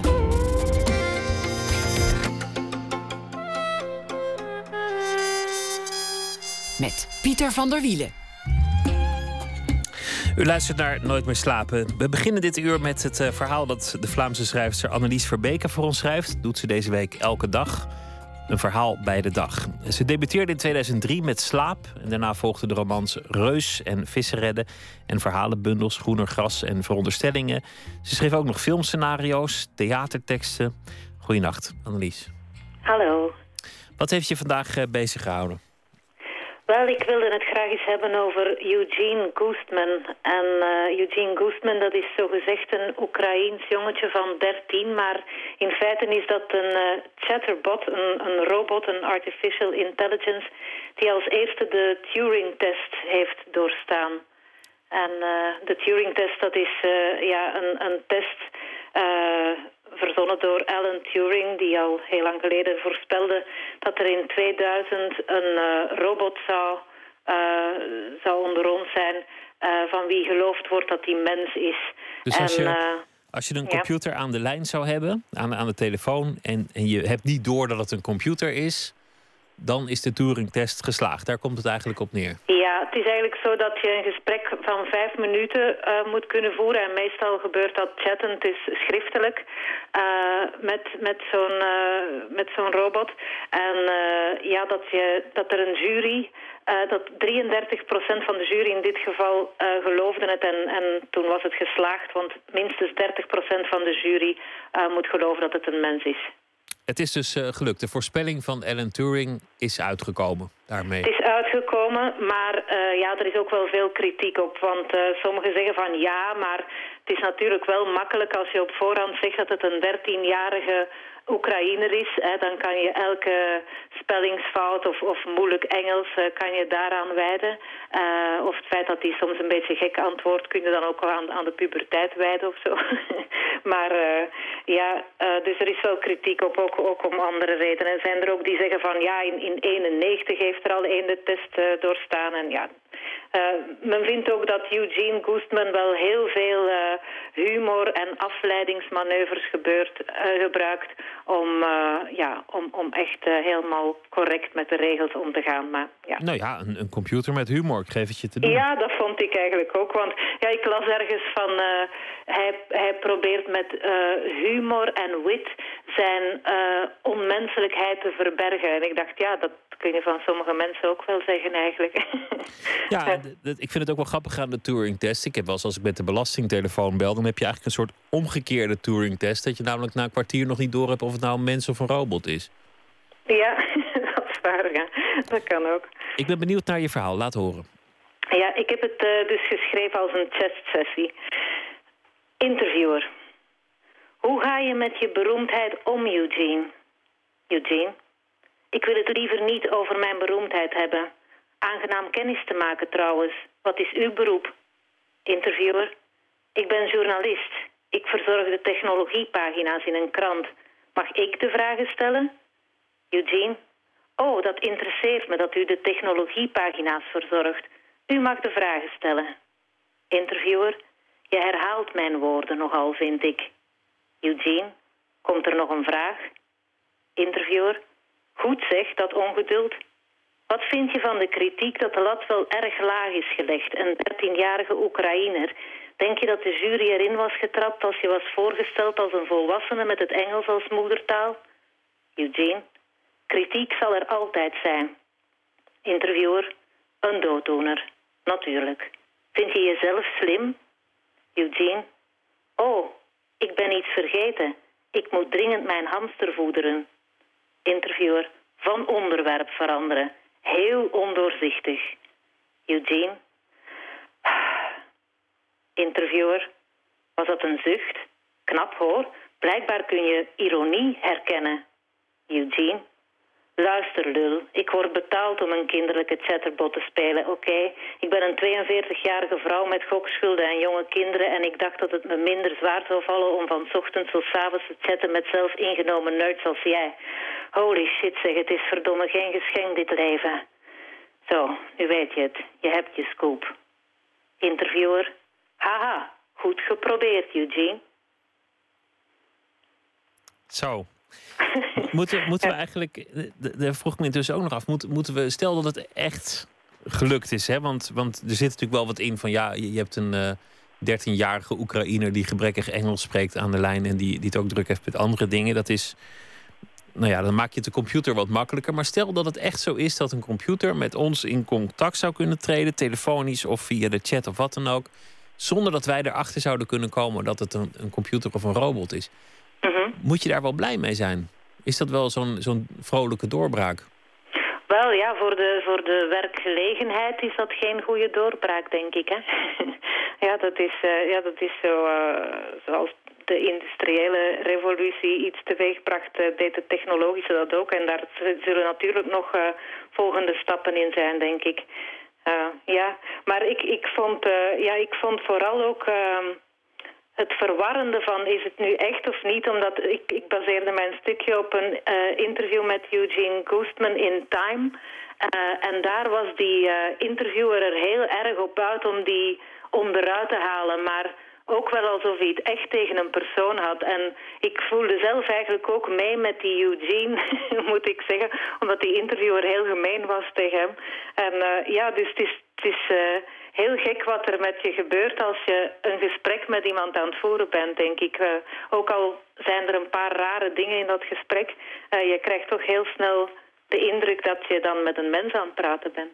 Er is nu ook een film hè, over iemand die verliefd wordt op een, op een robot via een of andere chatservice. Waarbij de stem van de robot van Scarlett Johansson is. Dat is natuurlijk een oneerlijke voorsprong. Maar ja. Verder, verder ja, zou dat dus in theorie kunnen? Ja, ja, tuurlijk. Ja, ja, de, ja, ik denk dat er nog heel veel verwarrende dingen gaan gebeuren tussen robots en mensen in de toekomst. nou ja, verwarring zal er altijd zijn, dus uh, we kunnen het hebben. Annelies ja. Verbeke, dank je wel. En uh, goede nacht en uh, graag weer tot morgen. Oké, okay, tot morgen. We gaan luisteren naar Ello Black. Had een aanstekelijk hit, I Need a Dollar. En daarmee brak hij door in 2010, zomaar ineens. Kreeg daarna nog een hit met Wake Me Up. En hij heeft nu een nieuw album waarvan wij draaien Ticking Bomb.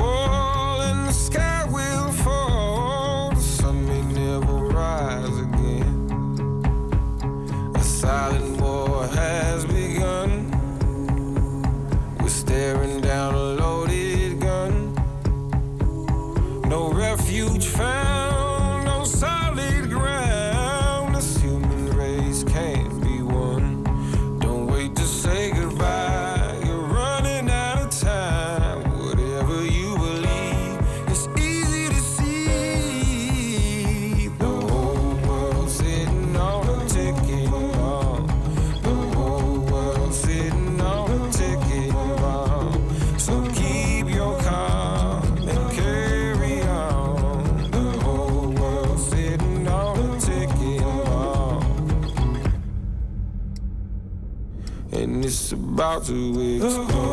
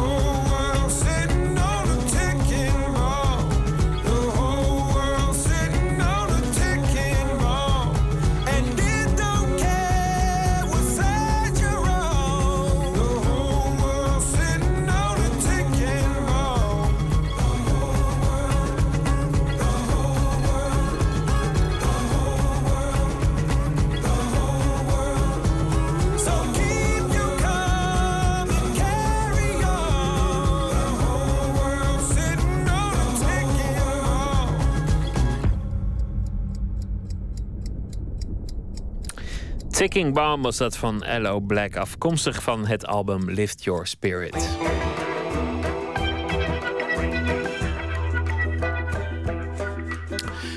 Hij is geliefd, maar was ook gevreesd en af en toe ook met uh, veel schuddende hoofden aangekeken in Frankrijk. Serge Gainsbourg.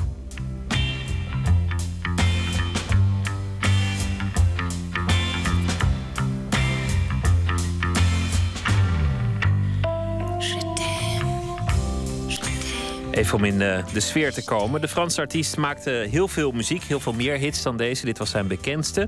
Vaak uh, hadden ze een morbide of een seksuele twist erin. En hij wordt gezien als een van de belangrijkste figuren in de Europese muziek. De Australische gitarist Mick Harvey, onder andere bekend van Nick Cave, die eh, kwam op het idee om een tribute te brengen aan uh. En nou ja, dat heeft hij dus gedaan. Twee albums opnieuw uitgegeven met een bijzondere tour. Want in elk land waar Harvey komt spelen, gaat hij de samenwerking aan met een lokale artiest. En in Nederland en België doet hij dat met zangeres Janne Schra. Verslaggever Botte Jellema ging bij haar op bezoek en zag haar verfrompraaide papieren met de teksten van Gainsbourg. Ja, die verschillende kleurtjes staan dus voor uh, als het weer een nieuw stukje is. Dus die, die twee roze. Die... Is het muzikaal hetzelfde? Nou ja, dat is, het, dat is het lastige vaak. Hij doet muzikaal vaak heel erg hetzelfde. En dan uh, is er bijvoorbeeld één woord die anders is dan het vorige. Dus als je een tekst leert, dan moet je dat echt in je hoofd prenten. Hmm.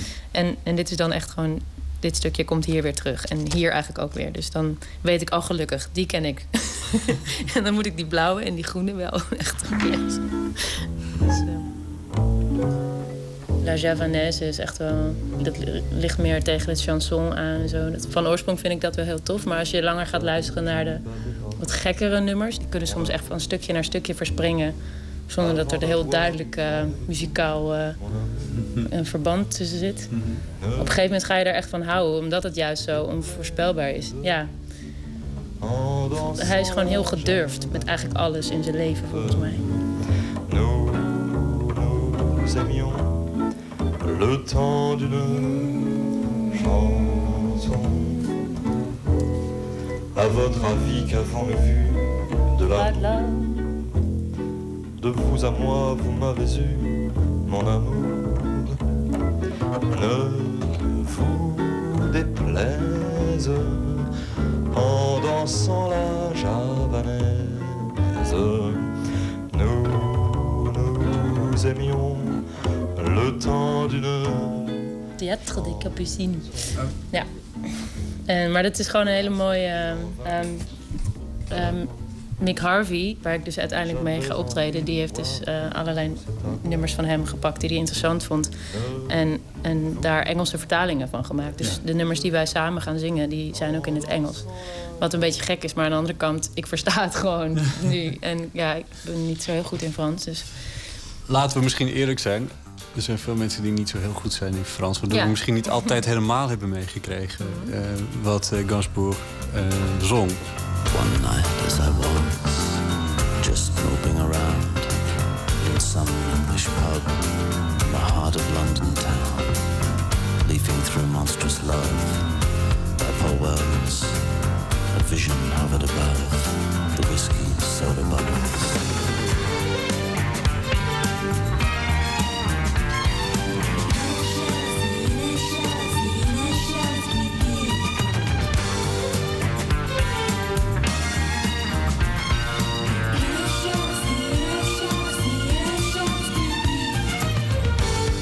Harvey heeft in uh, 95, 97 heeft hij twee albums gemaakt. Hè? Ja.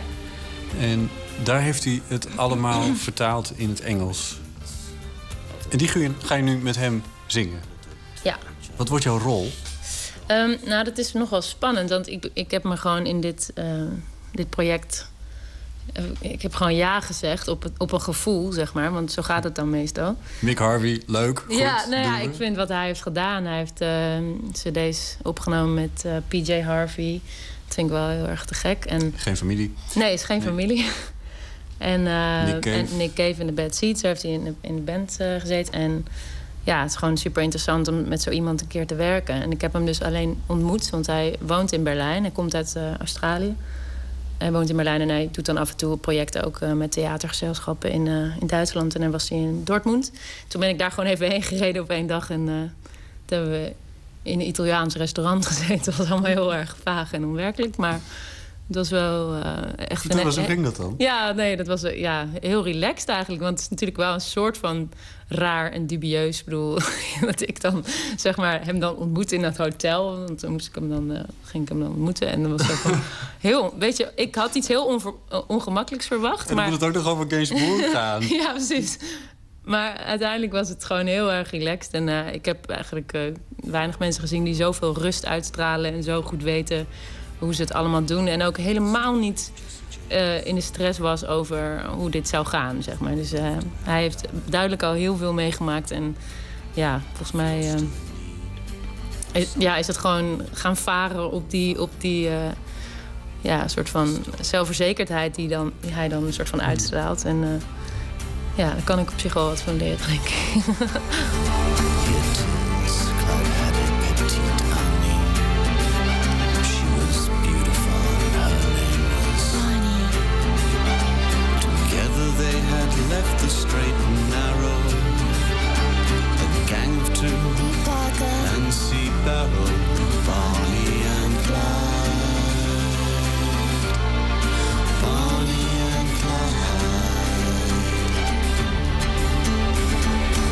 heb je met uh, Gainsbourg? Ja, ik ben op zich wel gecharmeerd van, van types. Um, hij is een beetje, een beetje een onbereikbaar figuur die ogenschijnlijk heel veel weet en, uh, en overal scheid aan heeft. En dat zijn natuurlijk wel mensen die een soort van aantrekkingskracht hebben. Mm -hmm. en, um, en dan ga je toch eerder luisteren naar wat, wat die personen dan maken. En eigenlijk wordt het daardoor, door het beeld wat je van iemand hebt, wordt het eigenlijk. Uh, nog beter. dus, wat, is die aantrekkingskracht? Kun je dat uitleggen? Ja, gewoon een soort van onbereikbare man die gewoon echt doet waar hij zin in heeft. En, en, en blijkbaar gewoon uh, een hoop vrouwen achter zich aan heeft lopen. En dat is natuurlijk, ja, zo werkt het volgens mij een beetje. Ben je dan, jij als vrouw, niet extra op je hoede voor. Ja, ik bedoel, je hoeft er nu niet bang meer voor te zijn, want hij, hij ligt al een tijdje onder de doden. Maar... Ja, precies. Nou nee, ik weet wel dat het, dat het iets in mij is. Waar, ja, ik denk wel in meer vrouwen dat dat, uh, dat, dat aantrekkelijk is. Gewoon als iemand uh, een soort van uh, ja, zelfverzekerdheid uitstraalt. En gewoon echt, gewoon, ja, echt doet waar hij zin in heeft. En ook, ja, wel zegt wat hij wil. Ja, blijkbaar, ja. Toch, toch wel. Maar ja, het is natuurlijk helemaal niet feministisch. Dus ik stop daar nu mee. Sorry. nee. nee, nee, nee. Nee, het lijkt me een interessante strijd. Want hij is natuurlijk Ja. wel de man die... In, eh, in- wat was het, in 86? Het is, het is heel erg beroemd. Ik vertelde niets nieuws. Maar in 86 in een, in een televisieshow in, eh, eh, in Frankrijk... waar Whitney Houston ook bij is. eh, He says you are great. Oh, thank you. No, I said, she's a genius. Hij maakte een paar, paar opmerkingen in het Frans die, ik, die, die slecht te verstaan waren, want hij was behoorlijk dronken. Oké, ja, ja. Maar de presentator die probeerde te vertalen in het Engels, want Whitney Houston spreekt geen Frans. En die zei iets van, oh, hij vindt je fantastisch en hij wil bloemen voor je kopen. Waarop Gainsbourg zegt, nee, dat zei ik niet. So don't try, eh? I said I want to fuck her. Oui, euh, alors, je, vais vous- je vais vous traduire. Non, non, non, non, non. Donc, you are great. Il dit que vous êtes très jolie. Non, non, non, non, non, non, non, non. C'est. Non, non, il a dit ça, mais ça lui arrive de temps en temps. Je peux pas vous traduire ce qu'il a dit. Il a dit, j'aimerais bien vous offrir des fleurs. Pas du tout, j'ai dit, je Non, voudrais tu- bien l'apaiser. Il, il a dit, il a dit... De Ik denk dat het ook heel erg te maken heeft met zijn, met zijn, met zijn afkomst en zo. Want zijn ouders zijn gevlucht uit eh, Rusland voor de re- re- Russische revolutie. Joden. En eh, uiteindelijk in, in Parijs beland. En da- daar hebben ze ja, ook de Tweede Wereldoorlog dus eh, ondergedoken gezeten. Met een jodenster rondgelopen. Ja, en eh, gelukkig overleefd dus. Maar, maar ja, dat je als, je als je zo begint, denk ik dat je dan toch wel iets ontwikkelt van... ik ga gewoon zelf nu bepalen hoe ik het verder ga doen. Dus dat is wel misschien wel dan tekenend voor die tijd... en misschien wel voor zijn afkomst. Het maakte niet zo heel veel meer uit, want hij had alle ellende wel zo ongeveer gezien. Ja, ja.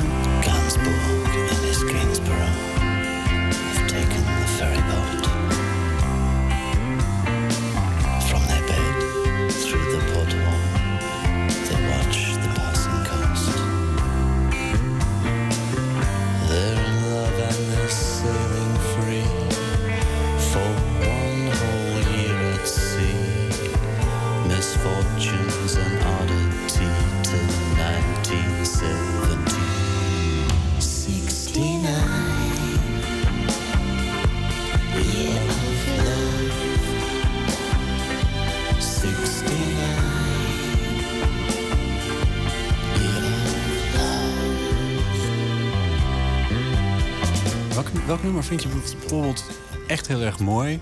Waarvan je zegt van ja, het is jammer dat dat zo weinig bekend is geworden. Ja, dat, dat nummer wat ik dus heb gezongen, maar dat heb ik dus in het Frans gezongen. Ehm, Les Amours Perdus. Les Amours Perdus. Ja, ja. Juist. Ja. Les amours perdus ne se retrouvent plus. Et les amants délaissés peuvent toujours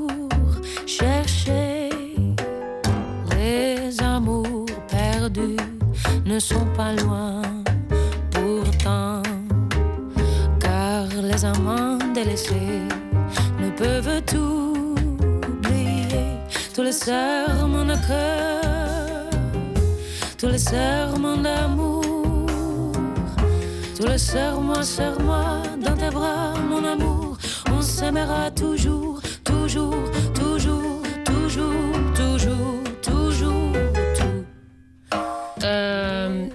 gaat dus over de, de verloren liefdes. En nou, hij werkt heel veel met herhaling, zeg maar. Dus, en met, door middel van herhaling komt ook, komen ook dingen eerder binnen, denk ik. Nee, ik merk wel dat hij inderdaad een soort van ehm een couplet, refrein, couplet, refrein structuur aanhoudt. Maar dan heeft hij toch weer eh, twee coupletten die bijvoorbeeld weer bijna hetzelfde zijn, maar dan toch net weer anders, waardoor het ehm, waardoor wat hij zegt eigenlijk toch nog die, eh, eerder binnenkomt, zeg maar.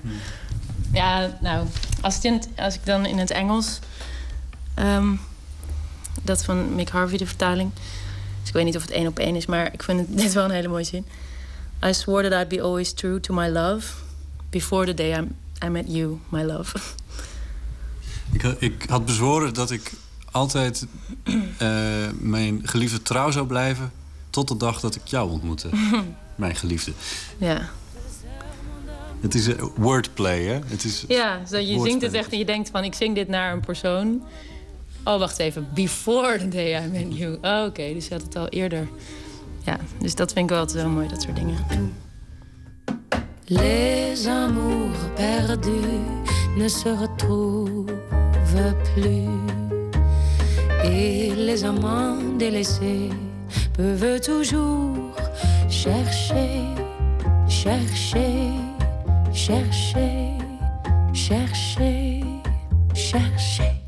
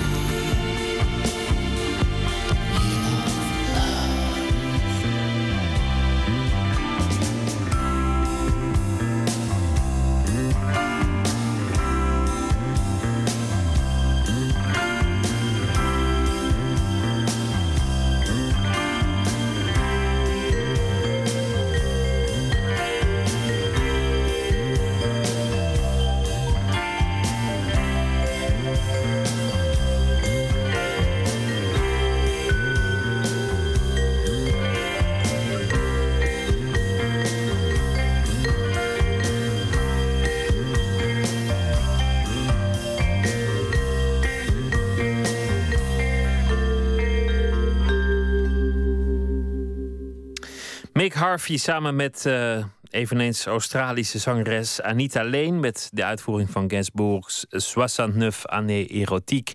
En daarvoor hoorde u zangeres Janne Schra... die dus eh, Anita Lane zal vervangen... en samen met Mick Harvey zal optreden... in de voetsporen van Serge Gainsbourg. En dat zal eh, vrijdag zijn in het Belgische Hasselt... en zaterdag in Tilburg. Nooit meer slapen. God is een Braziliaan. Een prachtige titel voor een boek. En eh, geen toeval dus dat, eh, dat dat boek maar twee keer is verschenen, maar liefst. Twee verschillende boeken met elk dezelfde titel. God is een Braziliaan. Hoe is het mogelijk? Nachtcorrespondent Anton de Goede, goeienacht. Ja. Welke twee boeken zijn Pieter. dat? Wie, wie hebben dat eh, gedaan? Allebei een boek schrijven met dezelfde titel. Nou, ik heb onlangs Harry Lemmens geïnterviewd in Nooit meer slapen. Dat is een vertaler die heel veel van de Portugese taal weet. Heel veel auteurs heeft vertaald. En die in Brazilië is geweest en daar een aantal reizen heeft gemaakt langs Braziliaanse steden. En daar een boek van heeft gemaakt. En dat noemde hij God is een Braziliaan.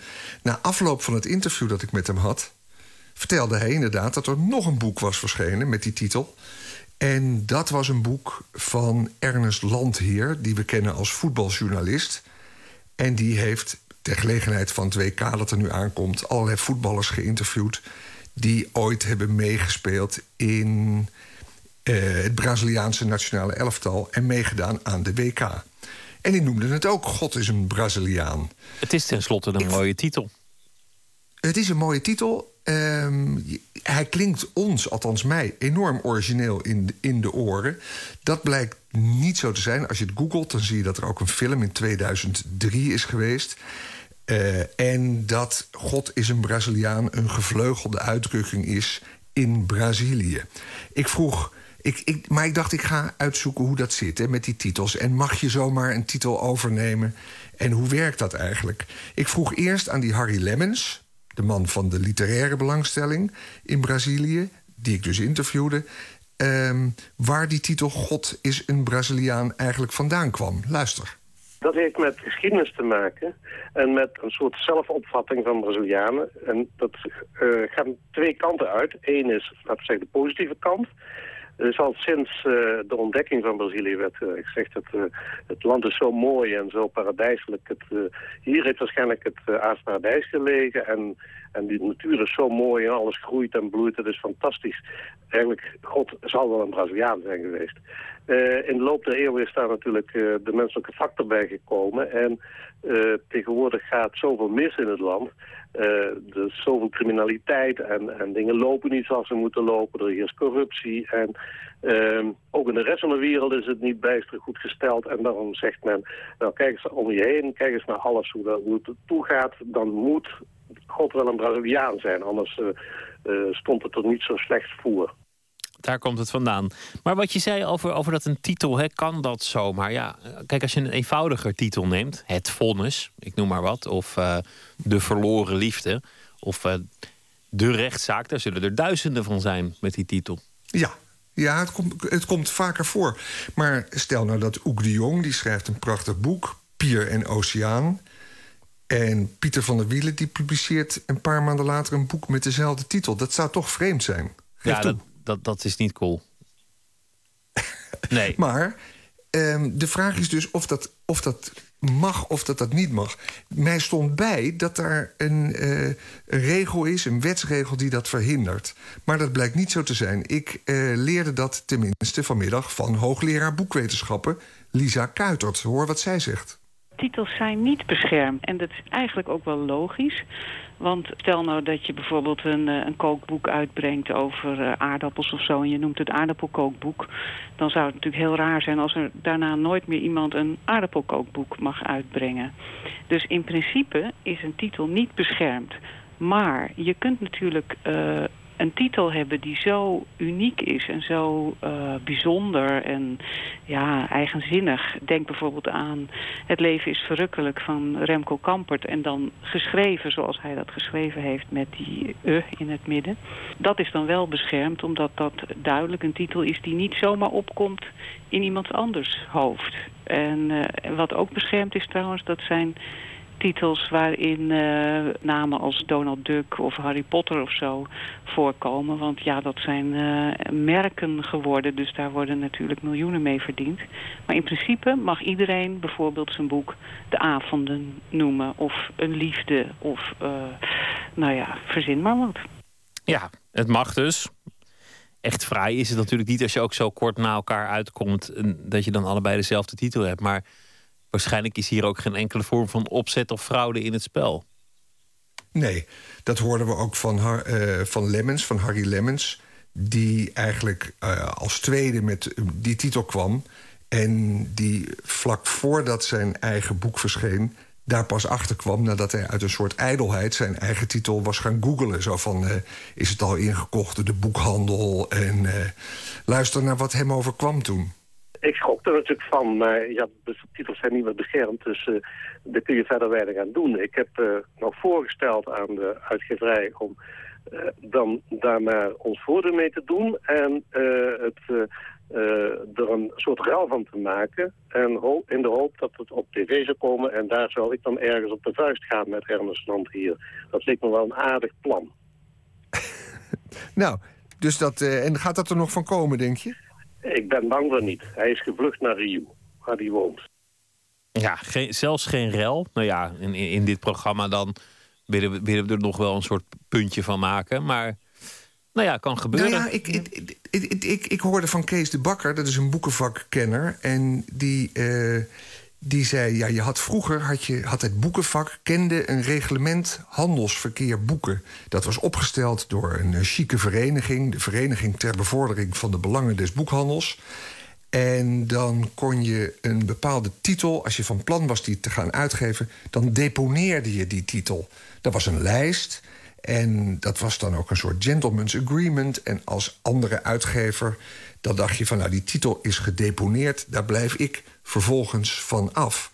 En die periode is eh, achter ons, die is een jaar of tien geleden, eh, is dat, dat, dat reglement handelsverkeer uh, opgeheven. En uh, moet je nog wel voldoen aan de, auteurs, de auteursrechtenwet, maar niet aan dat gentleman's agreement van het boekenvak. En dat vind ik ook een beetje de strekking van dit verhaal: dat de boekhandel nu ieder voor zich is.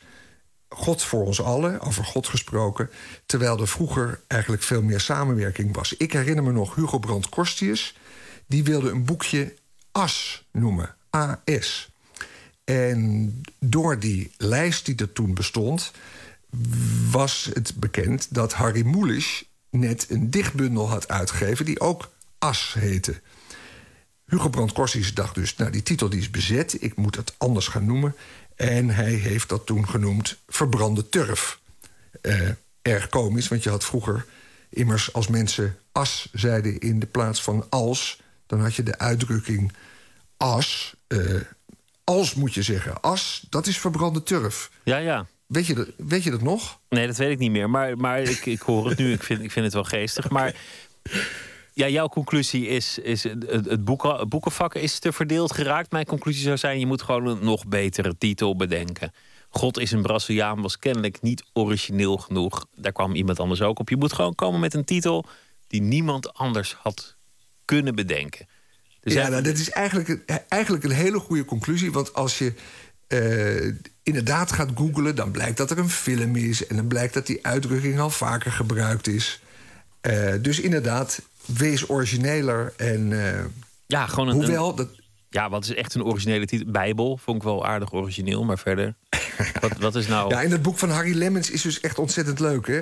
Over, okay. En die, die, die, die voetballers ongetwijfeld ook. Ik, ik, ik ken dat boek van die Ernest Landsheer niet.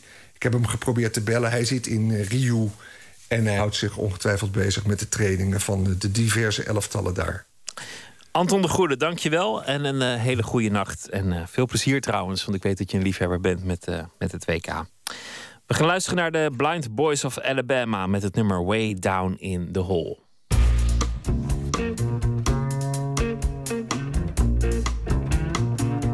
If you walk through the garden, you better watch your back. Well, I beg your pardon for the and narrow track. If you walk with Jesus, he'll save your soul. You gotta keep the devil down in the hole. He's got the fire and the fury at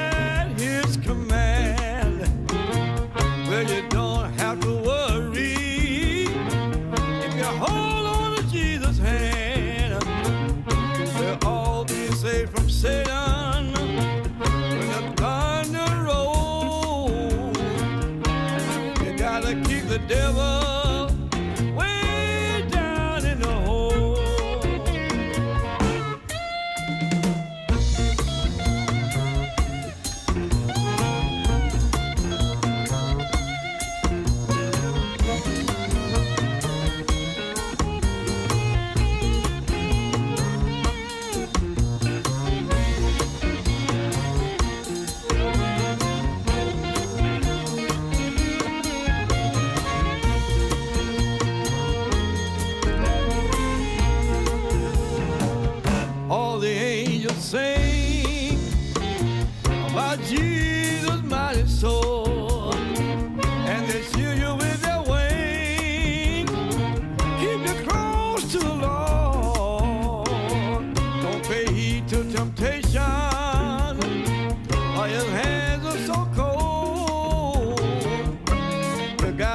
the devil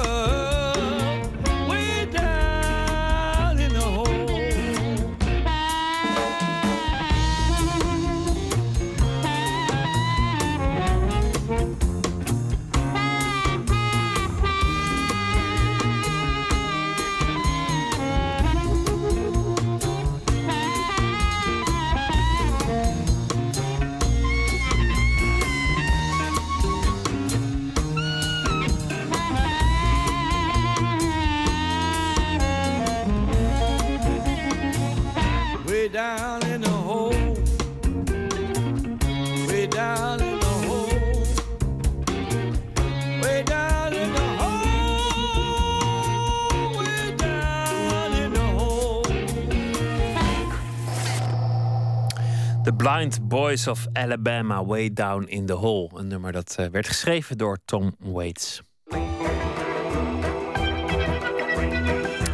U luistert naar Nooit meer slapen op Radio 1. Poëzie en verhalen vanuit de zelfkant van Amsterdam. Aanstaande donderdag zijn ze te horen, live voorgedragen door de schrijvers ervan. Schrijfclub Kantlijn helpt al 17 jaar lang Amsterdamse dak- en thuislozen die graag willen schrijven. Onder begeleiding van professionele schrijvers als Christine Otte wordt er iedere maandagmiddag geschraafd, geschrapt en geschreven. En nu staan ze voor het eerst samen dan op een podium om de pennenvruchten voor te dragen tijdens Kantlijn Live. Luistert u alvast naar de generale repetitie en naar het persoonlijk verhaal van een van die schrijvers, Frans Heuvelmans.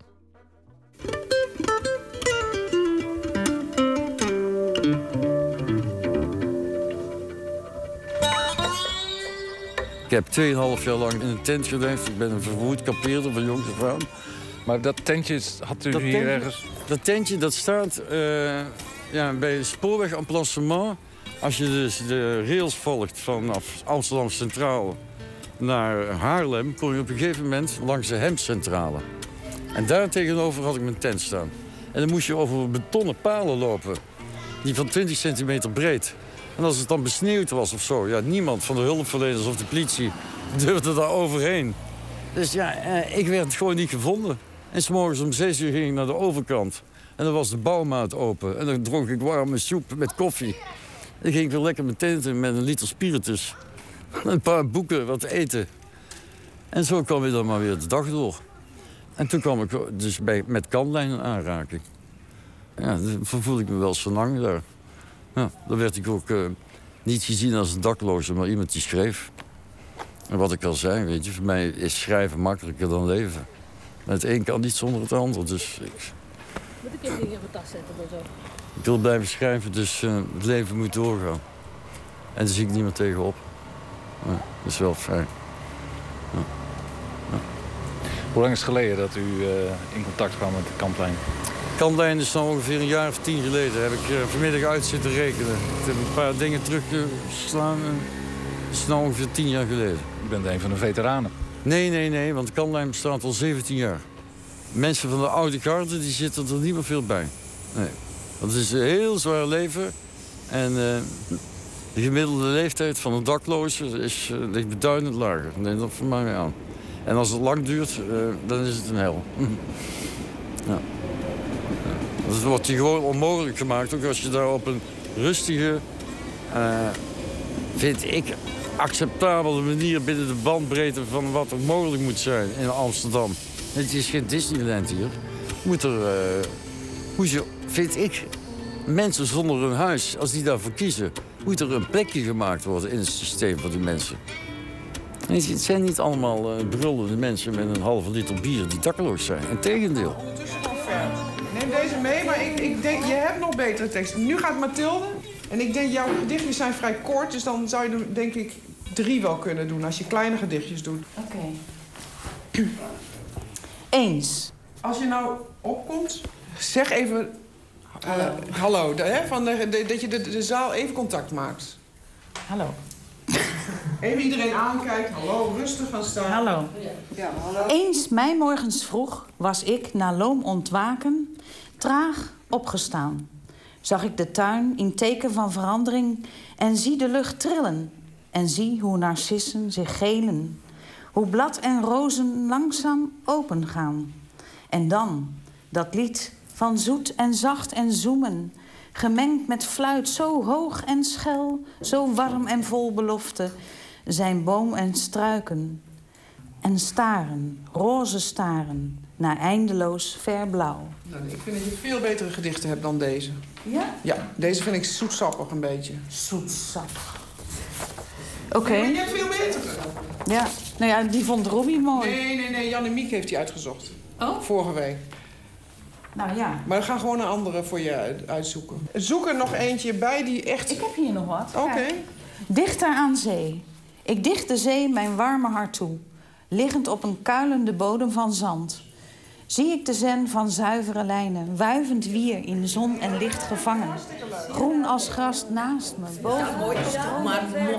donderdag dan. Schrijfster eh, Christine Otten. Hoe help je hun nou selecteren om dat gedicht of dat verhaal uit hun werk te pakken... wat het geschiktst is voor deze avond? Ah, dat is heel erg moeilijk, want we, zitten hier natuurlijk iedere week. Dus er zijn zoveel teksten die goed zijn. Maar daarom oefenen we om te kijken, werkt dat? Want als je hard voorleest een tekst, dan weet je wel. Is jouw tekst hier? Ja, hè? Ja, mijn tekst Oké, door donderdag, hè? Vijf uur. Ja, da- daarom oefenen we. En dan weet je, weet je altijd meteen of iets werkt of niet, als je het hardop voorleest. Ja, want een paar verhalen valt eh, vrij hard ook weer af, merk je hier Maar vanmiddag. daar moeten we ook duidelijk in zijn. Want je kan niet zeggen van, oh, het werkt wel... en dan sta je voor het publiek en dan werkt het niet. Wanneer ben jij zelf het meest geraakt door verhalen die... door wat hier geschreven wordt? Ja, wat mij raakt is als mensen zeg maar hun bepaalde ervaring kunnen verwerken tot, tot literatuur. Tot iets wat... ehm, maar dan bedoel ik literatuur niet alleen als highbrow literatuur. Want we hebben hier ook schrijvers bij zitten die... ehm, ja, zeg maar heel eh, recht aan herinneringen opschrijven bijvoorbeeld. En, en dan doen dat zo effectief en zo prachtig... dat het ook heel erg mij raakt. Maar dat vind ik ook literatuur. Ik bedoel, zoals Charles Bukowski literatuur is.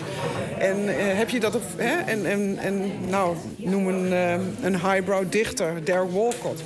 Die hebben van, om het maar zo te zeggen... van alle schakeringen zit hier.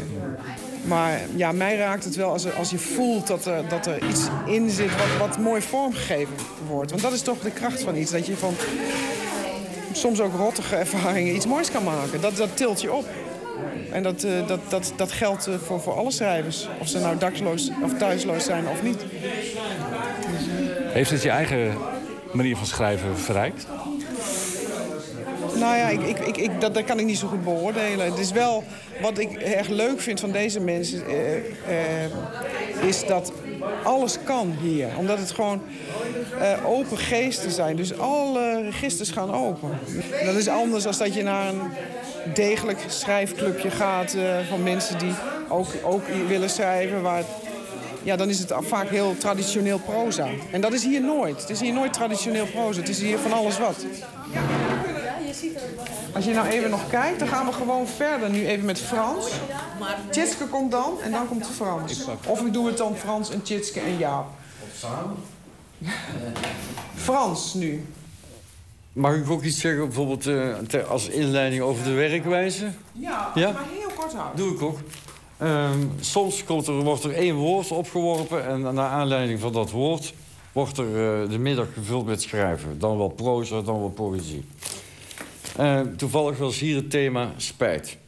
Bereidwilligheid, gehoorzaamheid, synthese, openheid, transformatie. Nee, Frans, kijk, dan ga je alweer je zak naar beneden. Huppakee. Dat, zodat je het eerst ook voor, voor de, de, de, eh, de, de, droeg. Gewoon, erin. En dan Niet moet- naar buiten. Oké.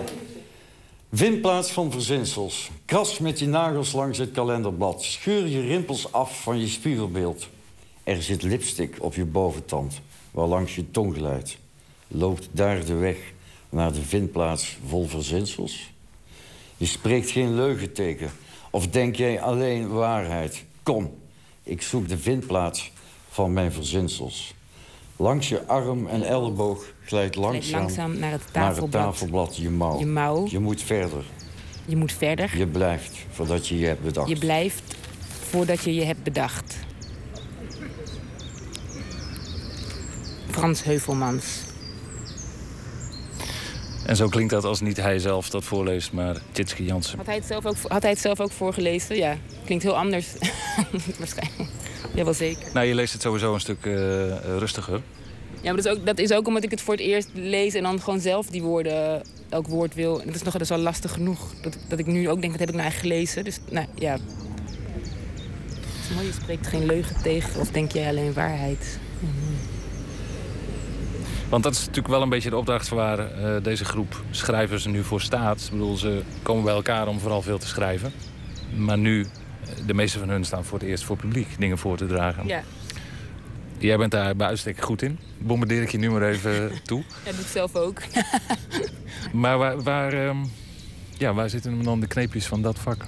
Nou ja, ik heb een theateropleiding gevolgd. Hè. Dat scheelt. Dus ik heb eh, de- vijf jaar erover gedaan, dus daar leer je wel wat. Ja, ik ken dus ook die mensen niet goed. En ik kan me ook voorstellen dat als je zo... Ja, als je gewend bent om toch een beetje voor veel mensen onzichtbaar te zijn... dat dat, dat, het ook, dat is een heel andere ervaring dan om op een podium te staan. Dus dat is wel mooi om daarbij te kunnen helpen. Maar misschien een andere keer. Ja. Ik had, ik, toen ik daar was, Je bent één keer bij, bij Kamplijn geweest. ja, ik ben één keer geweest. Maar er was één vrouw en die vertelde ook over die zwerftochten. En, die, en ehm, ik vo- voelde wel bij sommige mensen zitten verhalen dat je denkt, ja, inderdaad. En als je eh, schrijft dat op. Of, eh, en ook talent is er. Alleen ik denk dat er, als er zoveel chaos en moeilijkheid is... maar dat hangt er ook vaak toch weer samen met wat er in levens is gebeurd. En er is in mijn eigen leven gewoon zoveel gebeurd dat het ook niet gek was geweest. ik heb zelf, ik, ja, dat, daar, dus dat is de verwantschap. Dat ik, dat ik, ik denk dat ik een heel grote geluksvogel ben met een aantal mensen die ik heb ontmoet in mijn leven die mij, die mij, die mij gered hebben. Of waardoor, ik me, eh, waardoor het leven goed draaglijk is.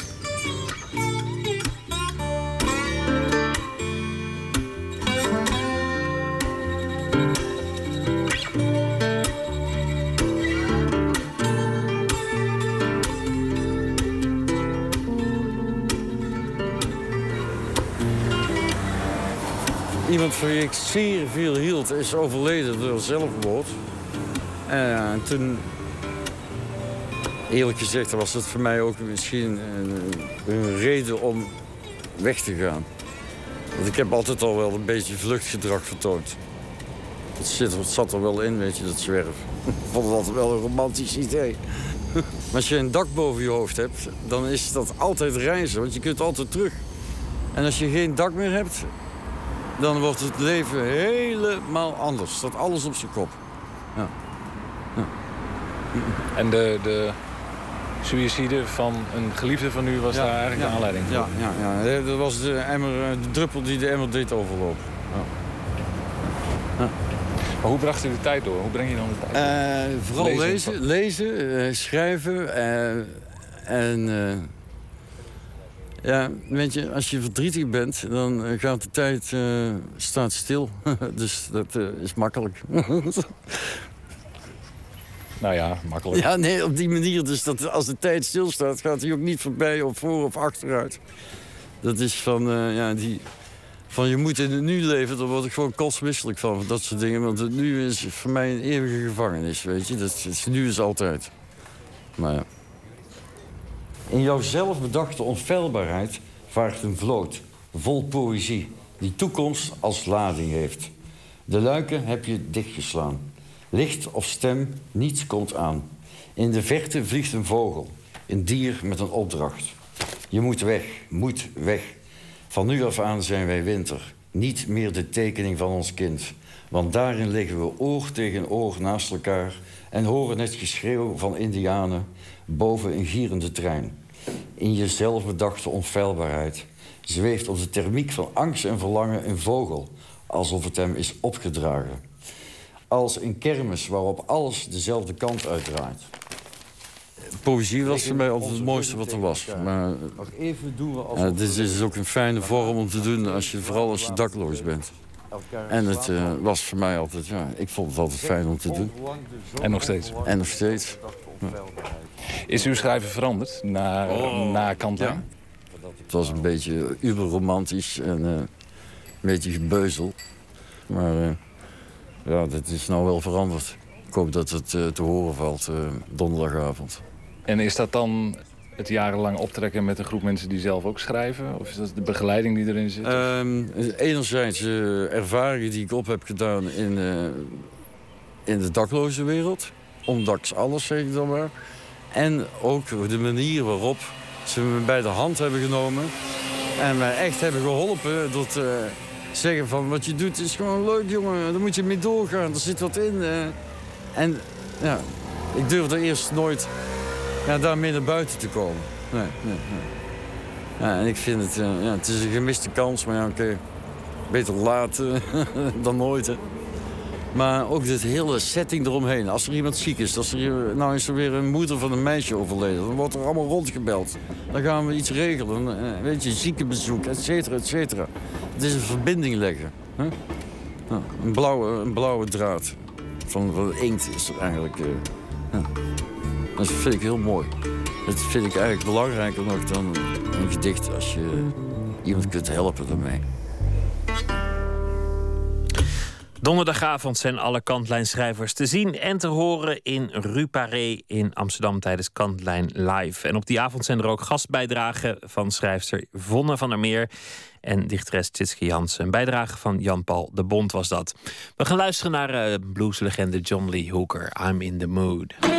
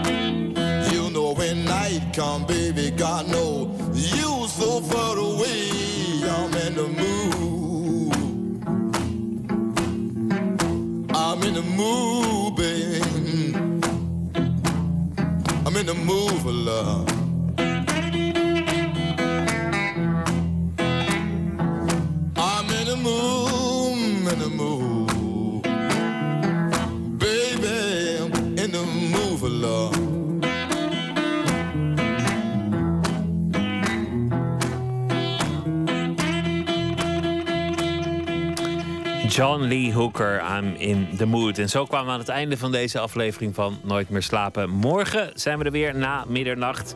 Straks op deze zender eh, WNL met uh, nog steeds wakker. Ik wens u een hele goede nacht. Morgen een leuke dag en uh, graag tot dan.